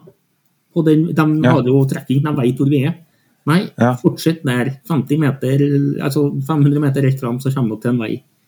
Det var heller ikke en god følelse, den at du, du kunne kjøre gjennom den vimpelen som stakk opp. Ja. Ah. Så jeg, det, den etappen hjem der, så gikk jeg, kjørte jeg 701 100 meter, gikk tilbake, henta sykkelen min 100 meter. Oh. Og 701 100 meter, fordi der det var sand, da. Så vi kom oss på asfalten, så kjørte han tyskeren selv, da. Så det var Jeg kom hjem i ja, kanskje var nitida, tror jeg. Rundt- Det var seint, altså. Mm. Der, der begynte vel egentlig nedturen min. Det som Niklas nevner her, at jeg var litt, litt, hang litt på bakfot. Mm. Der, eh, der fikk du beton... Eller fysisk trening ja, Litt for sliten, mye kjøring, lite søvn. Hang Ja, du hadde jo, hadde jo et par døgn i bilen nedover også, og bare sitte og ratte. Det er en ganske stor påkjenning, det. Det tar lang tid å eh, hente seg inn etter sånne ting, og kroppen blir veldig eh, ikke, ikke sliten på en sånn der eh, fysisk sliten måte, men altså når du bare sitter som en potetsekk i det førersetet i to døgn, Ja, så når du reiser deg da, så funker jo ikke blodomløpet. Altså Hjertet er ikke vant til å liksom pumpe den hastigheten. Det er, det er ting som skjer på en sånn type tur, altså. Vi er avklimatisere oss når vi kom dit. Husker jo den varmen. Ja, Svetta, det svetta, svetta, svetta. Det tok et par dager før vi klarte å liksom bare holde på veska vår. Vi er vel Ja, Elias, på altså- flyttedag. Ta den du, Elias. Hæ? Ta tilhengeren. Ta tilhengeren, ja, det kan gjerne være. Det var så, vi hadde jo flyttedag på tre, dag tre. hadde vi. Så da skulle jo alle sammen rive camp, og så skulle vi kjøre var det 42 mil til neste camp. Å, faen. Ja, det, var, det sa vi jo. Så Så vi gjorde oss Vi pakka jo masse på kvelden, og så heiv vi inn i hengeren og heiv oss i bilen og begynte å kjøre. Og så kom vi vel fire kilometer borti veien der, og så sa han jo farsken Hengeren er noe så rart, det dumper jo sånn. Så, så jeg må svinge over og se, da. Så får vi nå se. Og da, da hadde vi kommet på korden på begge dekkene på hengeren. Det hadde vi gjort. Så, men heldigvis så finnes det jo håp i Polen, da, så da ble det jo tettforum og høre om noen kunne hjelpe oss. Og så ringte vi litt forskjellige verksteder og hørte på gebrokkent eh, engelsk om noen som kunne hjelpe oss. Og så heldigvis fant vi noen, da. Mm. På tur opp igjennom litt, for vi fortsatte jo å kjøre på korden, for vi skulle jo fram. Ja, ja. Ja, så vi fant jo noen eh, etter en time. kjørte vi av veien, heiv oss ut av bilen, gikk av pengene, og så fikk vi på nye dekk, og så fikk vi tak i et ekstradekk. Så ja. det var veldig behjelpelige folk, var det faktisk. Mm. Det hadde jeg faktisk ikke trodd at vi fikk hjelp så fort. Og så, det var, Mens vi sto der på kuka med det dekket da, og la om, det tok jo fort en time, en og en halv time, og kom alle lastebilene og teamene kjørende forbi, for vi tenker vi skulle være smart og dra tidlig. Ja, ja, ja. Ja, og så, så ble det fiksa, så begynte vi å kjøre videre, og så kom vi ja, fem kilometer fra camp, og der sto køa. Og køa sto. Det var alle sammen som skulle inn på campområdet, sto i kø. ja. Ja, så da sto, vi, da sto vi i to timer i kø for å få lov til å komme inn på det nye campområdet. Og når vi, vi var en kilometer unna, så ble jeg og Niklas drittlei. Så da tenkte vi nei, da går vi fram og ser om vi finner noen campplass, om det er noen plass i hele tatt. Mm. Og vi får noe sonert, og det var, det var ikke plass. Det var ikke på avsatt område. Så da får vi vinka på Jon Øyvind. Ut på åkeren der. Med en gang satt vi bare har kjørt over grøfta og peisa på utsida der med sprinteren og henger og humpa og sykla og bekka bak i hengeren, og det var ikke måte på. Hei, vi begynte å rigge camp, for at vi skulle jo kjøre om en halvtime. Så vi hadde veldig dårlig tid. Og så kom det sånn der storteam. Jeg skal ikke si noen navn, men de var grønne i hvert fall. Og de skulle ha plassen vår. Og da, den, eh, da gikk det en liten faen til meg, så gikk jeg bort til en tysker som sa at vi måtte flytte oss, for de hadde betalt for den plassen her. Og så sa jeg til ham hvis du ikke går nå, så tar jeg, tar jeg klekke, og da blir det bråk. Og det hjalp. Var Ja. veldig sint engelsk. Og da flytta han seg faktisk. Men han, var, han skulle ha plassen vår, egentlig. Men det resulterte jo til det at vi var klart å kjøre i løpet av et kvarter. Heiv oss på syklene. Ja. Og så bare stilte opp på start. Og så sto vi der klar. Nei, og utsatt med to timer. Nei. Å, fy faen. Ja. Ja, ja. Det, da ble det natt- nattstage. Nummer, nummer, første nattstagen. Så, men for oppsummering på min, på min uh, opplevelse, da, så var det jo stage 1 gikk jo kjempebra. Stage 2 gikk jo bedre. Og jeg begynte å få flowen. Jeg begynte å føle at dette her, dette her sitter virkelig. Hadde jo Mm. noe knall og fall og noen tekniske problemer med noen startere og ble stående litt fast og litt sånne ting. Men jeg husker at jeg var på dag to sammen med Niklas på nattstagen rett før jeg kjørte på den. For jeg, jeg måtte ligge, vi måtte ligge side by side for at han fikk uh, ha lys. Ja, ja, ja. For han hadde så dårlig lys, så vi lå i hvert sitt spor på sida. Og så Vi hadde kanskje kjørt eh, ja, 10 km sånn. Så siden siden det fungerte ganske greit. Kjørte ikke noe fort eller noe sånt. Nei. Og så traff vi puddersand, flippa Niklas over, og så jeg vet du, rett på han. Og, og så Niklas, da. Rett etter jeg kjørte på, jeg tror ikke det tatt ett sekund engang. Sorry, jeg skal ikke ligge i veier. så da hoppa jo Niklas av, for da jeg, da jeg var sliten, og så kjørte jeg siste station her alene. Og det var den stationen her jeg fant ut at folk faktisk ikke kan å navigere. For at da fikk vi tåke, sikt på en halvmeter, pissregn, og måtte ligge og dra 14 stykker som lå bak meg. ja såpass, ja. Ja. Og da, da fikk, følte jeg litt på den mestringsfølelsen på roadboken. At uh, du, du ser ikke 100 meter foran deg, du ser 5 meter foran deg, men du må bare følge på trippen og følge på Mm. Mm. Og det fungerte ganske greit. Og det ble et bra resultat på den òg.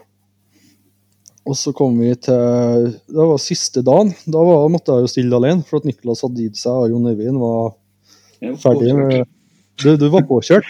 Og og Jon Øyvind stilte ikke til siste. Så da, og det var en av de fineste etappene jeg hadde med motorsykkel i hele mitt liv. Den Mm. siste. Da klaffa alt. Det var litt gjørmete og litt lite sand. og Kjørte ganske bra. Jeg husker at jeg kom sånn cirka midt i, så kauka jeg til meg sjøl. Dette her er nydelig. Dette her skal jeg gjøre igjen. Mm. Ja. Så det Rally Bresla for meg det bare vekka rallylysten enda mer. Uansett om det er noen nedturer, så er det jo, var det jo et fantastisk eventyr som jeg gjerne skal stille i én og to ganger til.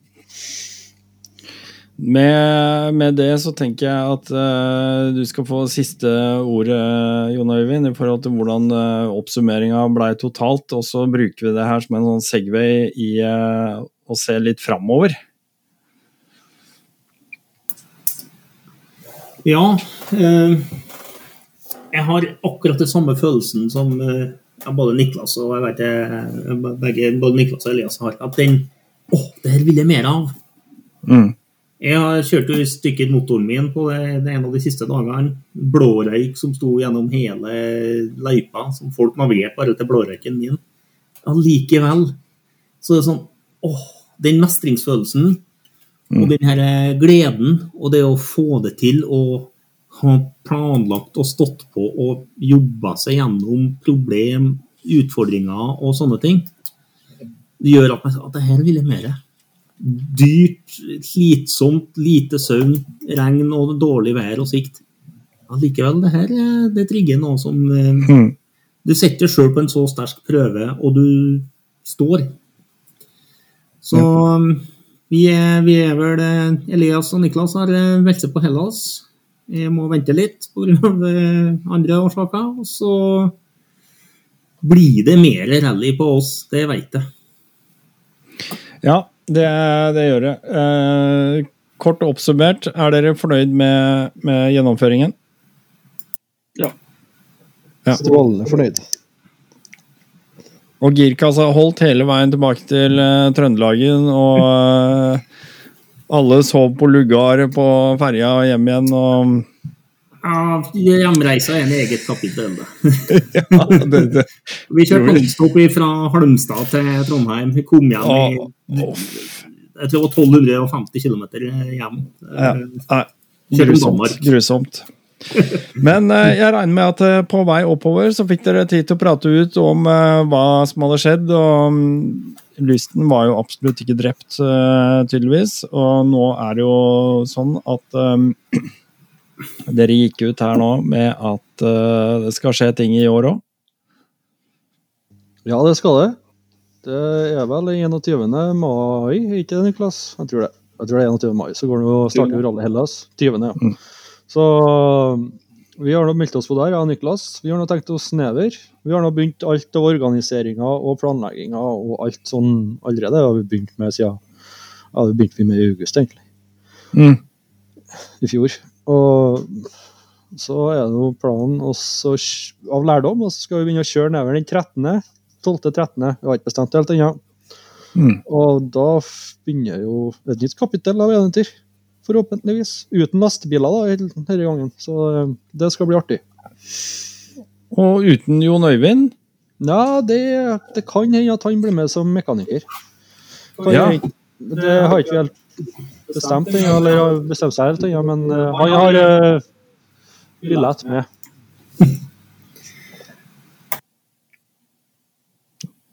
Må skru på lyden din, Jon Øyvind. Jeg må få ferdig sykkelen, og så må jeg Ja. Den ligger jo fortsatt i småbiter etter eh, å ha dratt en grov kilo sand gjennom hele motoren. Åh, fy faen. Så det, det, det er en del av rally, men jeg hadde ikke trengt det, for å si det sånn. Nei, jeg, var, jeg hadde en del tekniske problemer, både med roadbook og det at eh, motoren ikke er sikker. da. Mm. Og lærdommen som vi tar her nå, det å slite seg ut på å kjøre bil først. Akklimatisering. Ja. så, Ja. Sånn sett. Men jeg har veldig lyst til å være med. Prøve å skape sammen nok penger. Så er jo det et kjempeteam å være med, de gutta her. Det er god stemning, det er klare beskjeder. Det er, det er lettbent og nydelig. Og litt tar en beskjed hvis den kommer med, med mening og eh, klar beskjed, så blir det gjort. Det er en Mm. fantastisk, eh, fantastisk gjeng. Eh. har har funnet seg en Camp Daddy. Camp Daddy, ja. Herlig. Nei, men det er viktig. Det er viktig sånn moralsk sett også, at det har, uh, har noen som på en måte kan holde humøret oppe, tenker jeg. Og, og når allting ser beksvart ut, så er det faktisk noen som kan hjelpe deg å ta et tak og uh, liksom vise deg at uh, nei da, det er, det er kanskje tungt og slitsomt og irriterende, men det her fikser vi ganske enkelt. Eh, litt sånn mentaltreninga i alle de greiene her som som jeg bruker litt i hverdagen min sånn generelt, på alle ting når, når du står og stanger huet i veggen, det er egentlig at eh, om, eh, la oss si, om fire timer, så er jeg på et helt annet sted.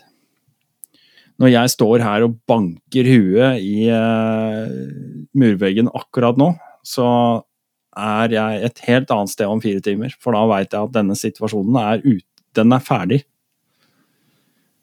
Uh, en del sånne ting, uh, det, og da tenker jeg liksom det å ha med Jon Øyvind, uh, det kan jo være veldig, veldig positivt, da. Når, ja. hvis du har hatt en litt mørk dag. Ja, positivitet er jo veldig viktig i hverdagen generelt òg, så det er jo viktig å stille opp for hverandre hvis, har, hvis man føler at det er litt dritt, og hvis man har tekniske problemer, så kan man lære seg på hverandre. Mm. Det er jo veldig viktig. Men det viktigste også er jo å si til seg sjøl at man lever jo bare én gang og gjør det beste ut av det. Ja. Det, det er jo Man må leve hvis man kan. Mm. Ja, det er sant. Altså, hvis, eh, ja. Ja, hvis, du, hvis, man føler seg dårlig og lei en dag, så kan det veie opp mye bare å fære og henge sammen med folk og skru, f.eks., eller kjøre litt, eller mm. Jeg tenkte jeg ville høre litt med dere angående litt sånn Hva har skjedd i forhold til Dette her koster jo litt penger generelt. Det er jo ikke sant, det er alt fra nye kjede- og drevpakker til dekk og slanger og forbruksartikler, eh, luftfiltre oljer, diverse. Alt, alt mulig. Alle småting fra femkroners uh, simringer og til uh, dyre uh, påmeldingsavgifter. hvordan er det med sponsorer og støtte og sånne ting?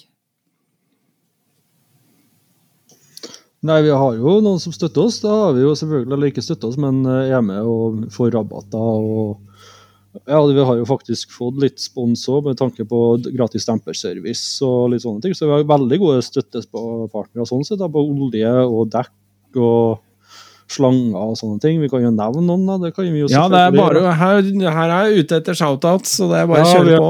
Vi har, vi har Polaris Nordmøre på avdeling Trondheim. De hjelper oss med mm. olje og deler og klær, og det er ikke måte på hvor de stiller opp.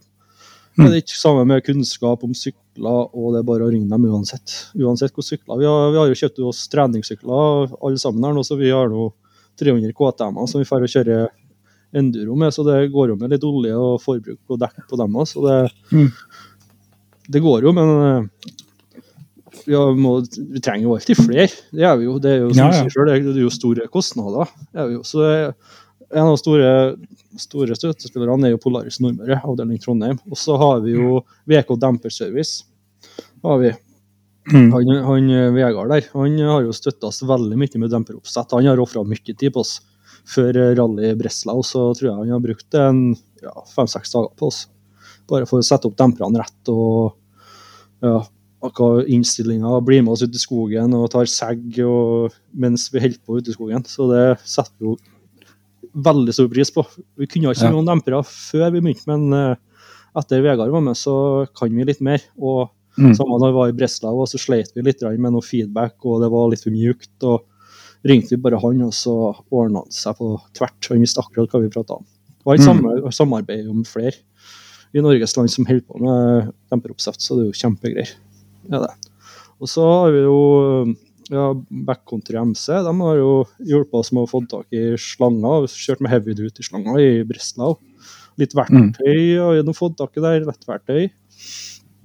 Og litt sånn småtteri, pluss at uh, ja, han stilte jo med dekkomlegging og alt, uh, og hjalp oss med det før Rally Grenseland, så det er jo kjempe... Gårdsplassen hans.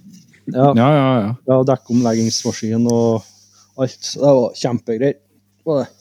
Og så har vi vært testpiloter for Twinpegs. Så har vi òg vært.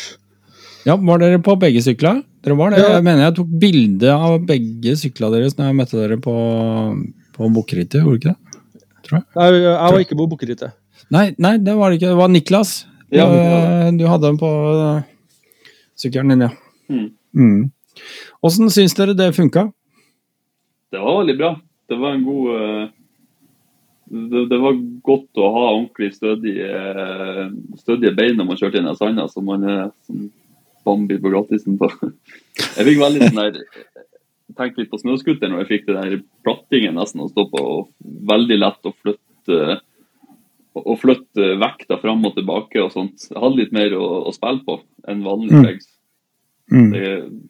så veldig positivt for min del. Kult. Ja, Twinpeaks har fungert kjempebra. Jeg skal, ikke, være- jeg skal stille med dem i rally Hellas òg. Det, det tror jeg kommer til å gjøre framover òg. Det er en plattform på foten som fungerer veldig bra. Jeg syns det er litt rart at folk bruker titalls tusen på å oppgradere sykkelen, og så glemmer de fotpegsen. Når du har en så fin mulighet som det der. Og så, folk er sikkert uenige, rett som det, og sånne ting, men prøv det, da. Så det fungerer. Og jeg, jeg, var, jeg var negativ til Twinpegs før, før, vi for til, før, jeg, før jeg fikk et sett å prøve det. Og etter det så jeg kommer jeg ikke til å ta av sykkelen heller. Jeg skal, jeg må få tak i et sett på enduroen bare for å gjøre det. Det får en helt annen balanse i sykkelen, og det hjelper på lange dager Mye sand og uansett. Mm. Nei, nå måtte jeg bare spørre dere, for jeg føler meg sånn der Jeg er helt sånn bias. Jeg føler at jeg ikke Jeg har ikke ja, jeg har sagt veldig mye positivt om det før. Så det er godt å høre at andre også har eh, ja, fått den samme opplevelsen. Da. Det er jævlig kult. Eh, Det blir kult. Jeg gleder meg til eh, På MC-messa skal jeg stå på stand sammen med sammen med Twinpex. Så for de som måtte være der, så er det bare å stikke bortom og hilse på. Da blir det en kombo med Rally Nord-podkast og eh, Kai Ingvald Flatland i Twin Twinpex. Det blir kult. Så kom innom standen, din, ja. Ja, da må du komme innom. Det er helt klart. Ja, men det, det er kult. Eh, Det er, eh, det er viktig å ha, ha disse eh, Ja, det, altså små ting. Altså det, det kan utgjøre veldig mye i forhold til et sånt eh, Å gjennomføre noe sånt som det her, da. Både med dekk og slanger og små duppetitter og dempere, ikke minst. Altså, det er jo natt og dag å kjøre på en uh, originaldemper og noe som er faktisk eh, stilt inn riktig, og har de riktige komponentene, ikke minst. Ja, altså det 701 er jo ikke berykta for så veldig bra demping fra før av, så det er jo en liten oppgradering bare å ta bakfjæra der. Så det er jo, Mm. det er jo ikke, det er jo ikke en likeens sykkel. er ikke. Og det, du får mer ut av det. Det koster jo selvfølgelig litt, men eh, man bruker jo som sagt penger på alt mulig rart. Så jeg tror bare når jeg hadde GS-en på ekstrautstyr og klær, så tror jeg så ville av en 40 000 bare på det. Og det, Ja, ja. nok- det var jo ikke med demping. Ja. Så man, man bruker jo penger på å oppgradere sykkelen, så hvorfor ikke oppgradere kjørekomforten der man kan gjøre det? Ja, og ikke bare det at det er komfort, altså komfort i form av ja, Hvis jeg må tilbake til Twinpex igjen, da. Jeg tenker at du, det er glatt å bruke 5000 kroner på, på et seat-concept-sete til sykkelen, liksom. Men eh, det er jo kun når du sitter, mer eller mindre. Ja. Kanskje den blir litt smalere når du står, ok, jeg skal være enig, men eh, det å stå på Twinpegs, for eksempel, hvis du står og kjører, da er jo det Det er jo som å sitte på et sitt konsept. Sånn sett. Ja, det er jo det. Det er jo så absolutt det. Og det er enklere å få kontakt med footpegsen og når du skal inn i sving og Ja. sånne ting. Få vekta lenger bak når du trenger det. og det ja, Jeg er glad i pe- som sagt, og det tror jeg vi som har kjørt i en liten stund, alle sammen er det samme òg. Nei, kult. Jeg skal ikke prate folk høl i huet med det. Det blir jeg for eh, Ja. Men eh, litt om eh, de forberedelsene som ligger nå, da, før eh, mai. Nå er vi Har du etter, etter siste nyttårsraketten, var det siste øl nå, eller? Nei, det blir, det blir samling på fredagen på jobb, så da blir, Ja. det to, da blir det to øl. Men ellers så blir det ikke noe, nei. Nei. Og så blir det noe treninga starta for fullt i uka her. Jeg, jeg og Niklas har begynt å spille squash. Vi skal prøve å få til det en gang, en gang i uka. For å Mhm. få øve på litt reaksjon. Og så som sagt har vi fått tak i treningssykler, så vi prøver også å få til to kjøringer i uka. På 300-ene, om det er på Brålia eller om det er på nye endurobanen og sånn oppe i skauen. Det får vi se på hvordan det blir fremover. Mm. Så forberedelsene har vi jo allerede starta med, som sagt. Vi rev, jeg tror det var 1. desember så rev vi syklene i Monicula begge to. Så de, de sto Min sto uten motor og bare ramma. Niklas Ja. sto motoren i, men det var ikke noe. Så vi har på syklene så har vi nå bytta alt av lager. På sving og link og styre og alt. Så det er ordnings, og det er vi jo glad for. Den- Sykkelen min har nå bare rulla 19 000, men det var så mye sand inni her etter Breslau at jeg måtte bytte. Ja. Så Mm. det har vi gjort nå. Motoren er sendt inn til service, og den fikk jeg tilbake i uka her, så det ble startup. Så gi oss en liten ja, 14 dager, så er sykkelen min klar til Hellas. Og da får den stå, og så være klar til Hellas. Niklas kan jo si litt, han har gjort litt mer enn meg i det siste, så Ja, jeg fikk et lite prosjekt. Fant ut at jeg skulle rive ut ABS-en og en bremseklippe framme og- på sykkelen. Jaha. Litt Ja, men det er sånn kjent problem med Tenerien, det, men har du av ABS-en og så kveler du den eller tipper, så må du stoppe og holde inne fem sekunder før du kan kjøre videre. Det, det har du ikke sjanse på et rally. Så jeg kjørte med ABS hele Rally Breslau. Det var jo helt jævlig. Så jeg, jeg kunne jo bare satt en bryter på ABS-en, men jeg tenkte at jeg, jeg kommer ikke til å bruke det. Jeg liker ikke det uansett. Så jeg fikk revet ut alt det der, og så. Det ble lettere. Jeg er ikke så opptatt av denne vekta. Den er en tung sykkel uansett, men det ble noe lettere. Ja, det er vel 700-800 gram i hvert fall. Nei, tre-fire kilo. Ja, det er, ja, for du får av Ja, selvfølgelig. alt. Men Ja. eh, det, det er så tungt uansett. Jeg tror ikke jeg kommer til å merke det. Men eh, det også så ble noen store steiner jeg traff på Breslau, så framfelgen fikk noen bonger. Og vi har leka litt med tanken om å kjøre mus på rally i Hellas. Så da må jeg ha en smalere bakfelg òg, så nå er det nye felger som er bestilt og skal settes i hopen og prøve. Så det er litt å ta tak i, ja. Ja, jeg skjønner det. Det er bra. Men eh, da er uh, sykla deres klare om et par uker, da. Så blir, ja, blir- bare, tre, blir bare treningssykkelen fram til da. Ja, vi sier det, og så ender det opp at vi skal på en liten snartur og bare teste, og så ryker det noe igjen, eller kjører ut, eller Det er jo det vanlige. Du er flink til å ødelegge. Ja, det er veldig flink til å ødelegge. Men det er jo ekstra koselig men da- du, å stå og reparere, da. Er det jo. Ja, det er det. Ja, men da står, eh, står eh, Jon Øyvind står der med åpne armer. Vet du. Kan du gråte litt på skulderen hans, og han klapper og trøster og forteller at dette her, det skal gå bra. Dette skal gå bra. Nei. Det blir bra. Har dere noen forventninger? Nei, gjennomfør. Jeg har, jeg har egentlig forventninger at uh, Rolle Hellas kommer til å bli lettere. Ja. Men, men uh, jeg tør jo ikke å si det, for jeg, jeg tenkte jo ikke det skulle bli så tungt med, med Resla òg. Men det er litt mer hjemmebane, den der grusen og steinene i Hellas, enn det der sanda som var i Polen. Mm. Så eh, jeg forventa det skal være lettere, men det er jo det er jo det, den endurance-greia som er igjen. At det skal, vi skal kjøre langt og lenge, og vi skal bli sliten. Mm. Men heldigvis litt mer på hjemmebane, håper jeg. Ja. Og så skal det bli Ja, det- godt å ikke kjøre et rally med lastebiler og biler og side by side.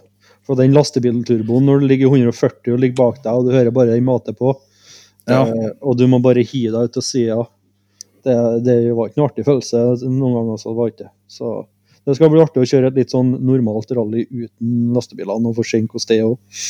Ja, nei, den skjønner jeg. Den skjønner jeg. Um, jeg tenkte på uh, Peter Solnør. Han kjørte jo Hellas i fjor. Har dere snakka med han, eller? Vi har snakket Ja. lenge om å snakke med han, men vi har ikke fått ut ennå. ennå, nei. Nei? Jeg snakka så vidt med han om Hellas i fjor, men ikke Ja. Hellas som kommer, for å si det sånn. Så jeg har vært i kontakt med han. Vi lagde jo en episode her i fjor. Ja. Eh, men, eh, men eh, så skulle jeg, jeg Akkurat nå i disse dager så skulle jeg gjerne hatt tak i ham, for han er faktisk eh, i eh, Midt i smørøyet. Han er med i Dakar. Han kjører ikke, men han er altså I og med at han er film- og kameramann, så er han med i kamerateamet til Red Bull TV. Ja, Der nede. godt. Det er helt konge. Og jeg har prøvd å Men han, han har så tett program. og Jeg har sett disse siste dagene, eller i begynnelsen, når det regna så jævlig og greier. Altså, det må ha vært eh, Både for kamerateam og førere og team og alt generelt, så må det ha vært et ja, sant mareritt. Eh, men jeg gleder meg. Jeg skal prate med han eh, når han kommer hjem igjen. Men uh, han må dere jo selvfølgelig ta kontakt med og så få noen tips. Han uh, deler sikkert velvillig, han. Ja, vi tar, vi tar imot alle tips vi kan få, vi. Så uh, det tar vi gjerne imot. Uansett hvem det skal være for noen. Så det vi blir aldri ferdig utlært på når det kommer til Veldig. Veldig bra. Nei, men jeg tenker Hvor kan folk følge dere, hvis de har lyst til å følge med på hva som skjer framover med dere? Er Instagrammer og sånn, er det ikke det? Ja, vi har en eh, Norwegian Rally Adventure på Instagram som vi holder på å oppdatere litt på hvordan vi holder på. Jeg har blitt litt mer Ja. med han Elias siden vi skal på uh, rally Hellas nå. Men vi, så har vi noe originale som vi starta, som var Trønderbataljonen, som vi har alle tre i lag. Oh, ja. Aha. Ja. Det er bra. Ja, det er bare å følge med der. Og så får vi nå bare se hva tida bringer framover. Vi skal nå prøve også å få til noen flere sponsorer etter hvert, og så kanskje vi får litt mer ansikt utenat også. Vi må bli litt mer aktive på det, for det har vært veldig labert. Mm. Så vi har et mål om å bli litt flinkere. Som sagt, Mm. vi har jo en ja, 120 timer med filmer fra Breslau og masse masse bilder som vi ikke har lagt ut ennå. Så vi får se hva som skjer framover. Mye å ta tak i. Jon Øyvind, du eh, Hvis ikke du blir med, du sitter vel og redigerer 120 timer fra Bresla, du? Ja, ja. Altså, det, jeg vil gjerne bidra. Så ja. Eh, Ja, ja, ja. ja. Jeg må lære seg, da. Det er jo innmari tidkrevende å eh, Ja, det er det. jobb. Eh, Det var, eh, det var et uh, lite fleipete innlegg fra min side, selvfølgelig. Nei, men jeg har Men- tenkt på det. Den er ikke god Men du har Jeg syns ikke du skal bruke tid på det hvis det går på bekostning av å lage gode roadbooks. eh, Så tror jeg du skal forholde deg til det. Det er prioriteringer ute og går her. Vi snakker om forberedelser her nå. Jeg må få sammen sykkelen min. Og sånn. Åh, hvis Ja. det plutselig opp, dukker opp økonomi nok til å være med på Hellas i Ja. siste liten så, sånn. Ja. Men igjen, det, det er de små detaljene som velter kanskje lasset mitt. da. Mm. Ikke god nok trening, mye bilkjøring, mye sånn småtterier. Så det er jo, hvis man hiver seg på en gang til med samme oppkjøring, det er kanskje dumt. Mm. Så en må være litt selektiv. Kanskje vente til neste år. Ja. Eller når jeg har bedre tid og mer forberedt. Heller vente et år og være godt forberedt enn å hoppe på i siste liten og vite at du egentlig ikke står til mål. Ja, det er akkurat det. Mm. Ja. Nei, skal vi ta noen eh, siste ord før vi bryter av? Eller er det noe vi burde ha sagt, eller eh, fått med? Nei. Nei, det, det var helt stilt nå, så Ja, nå blir det stille. Vi har jo ikke bare det at vi har holdt på nå i 1 time og 50 minutter, men vi holdt jo på i 20 minutter før det òg. Før jeg fant ut at jeg ikke hadde trykka på record. Ja, men det kan jo fort skje. Det, det kommer til å skje igjen, vet du, Dennis. Det kommer til å skje igjen. Helt garantert. Dere, tusen hjertelig takk for uh, praten. Dere Det har vært jævlig kult å, å ha dere med. Og så så innmari gøy at dere blir med nå i form av at uh, det er min andre videopodkast. Og vi har fått med bilder av tre andre deltakere. Det er kult å være så mange samla. Ja, tusen Så- takk for at du ble invitert, og det var kjempeartig å få være med på. Ja, Ja, ja, ja. tusen takk for oss. Tusen takk for dere, og eh, husk det, det Gå ned i shownotes. Jeg skal prøve å legge ut disse linkene til Instagram-profilene deres der. Eh, følg med på hva som skjer. Dere er jo flinke til å poste litt på både OTC og det som måtte være, eh, når det er noe. Så regner med at eh, vi hører mye mer fra dere utover året. Og da sier jeg som jeg alltid sier Shalabais! Shalabais. Ja! Ja, det er herlig, herlig gjeng.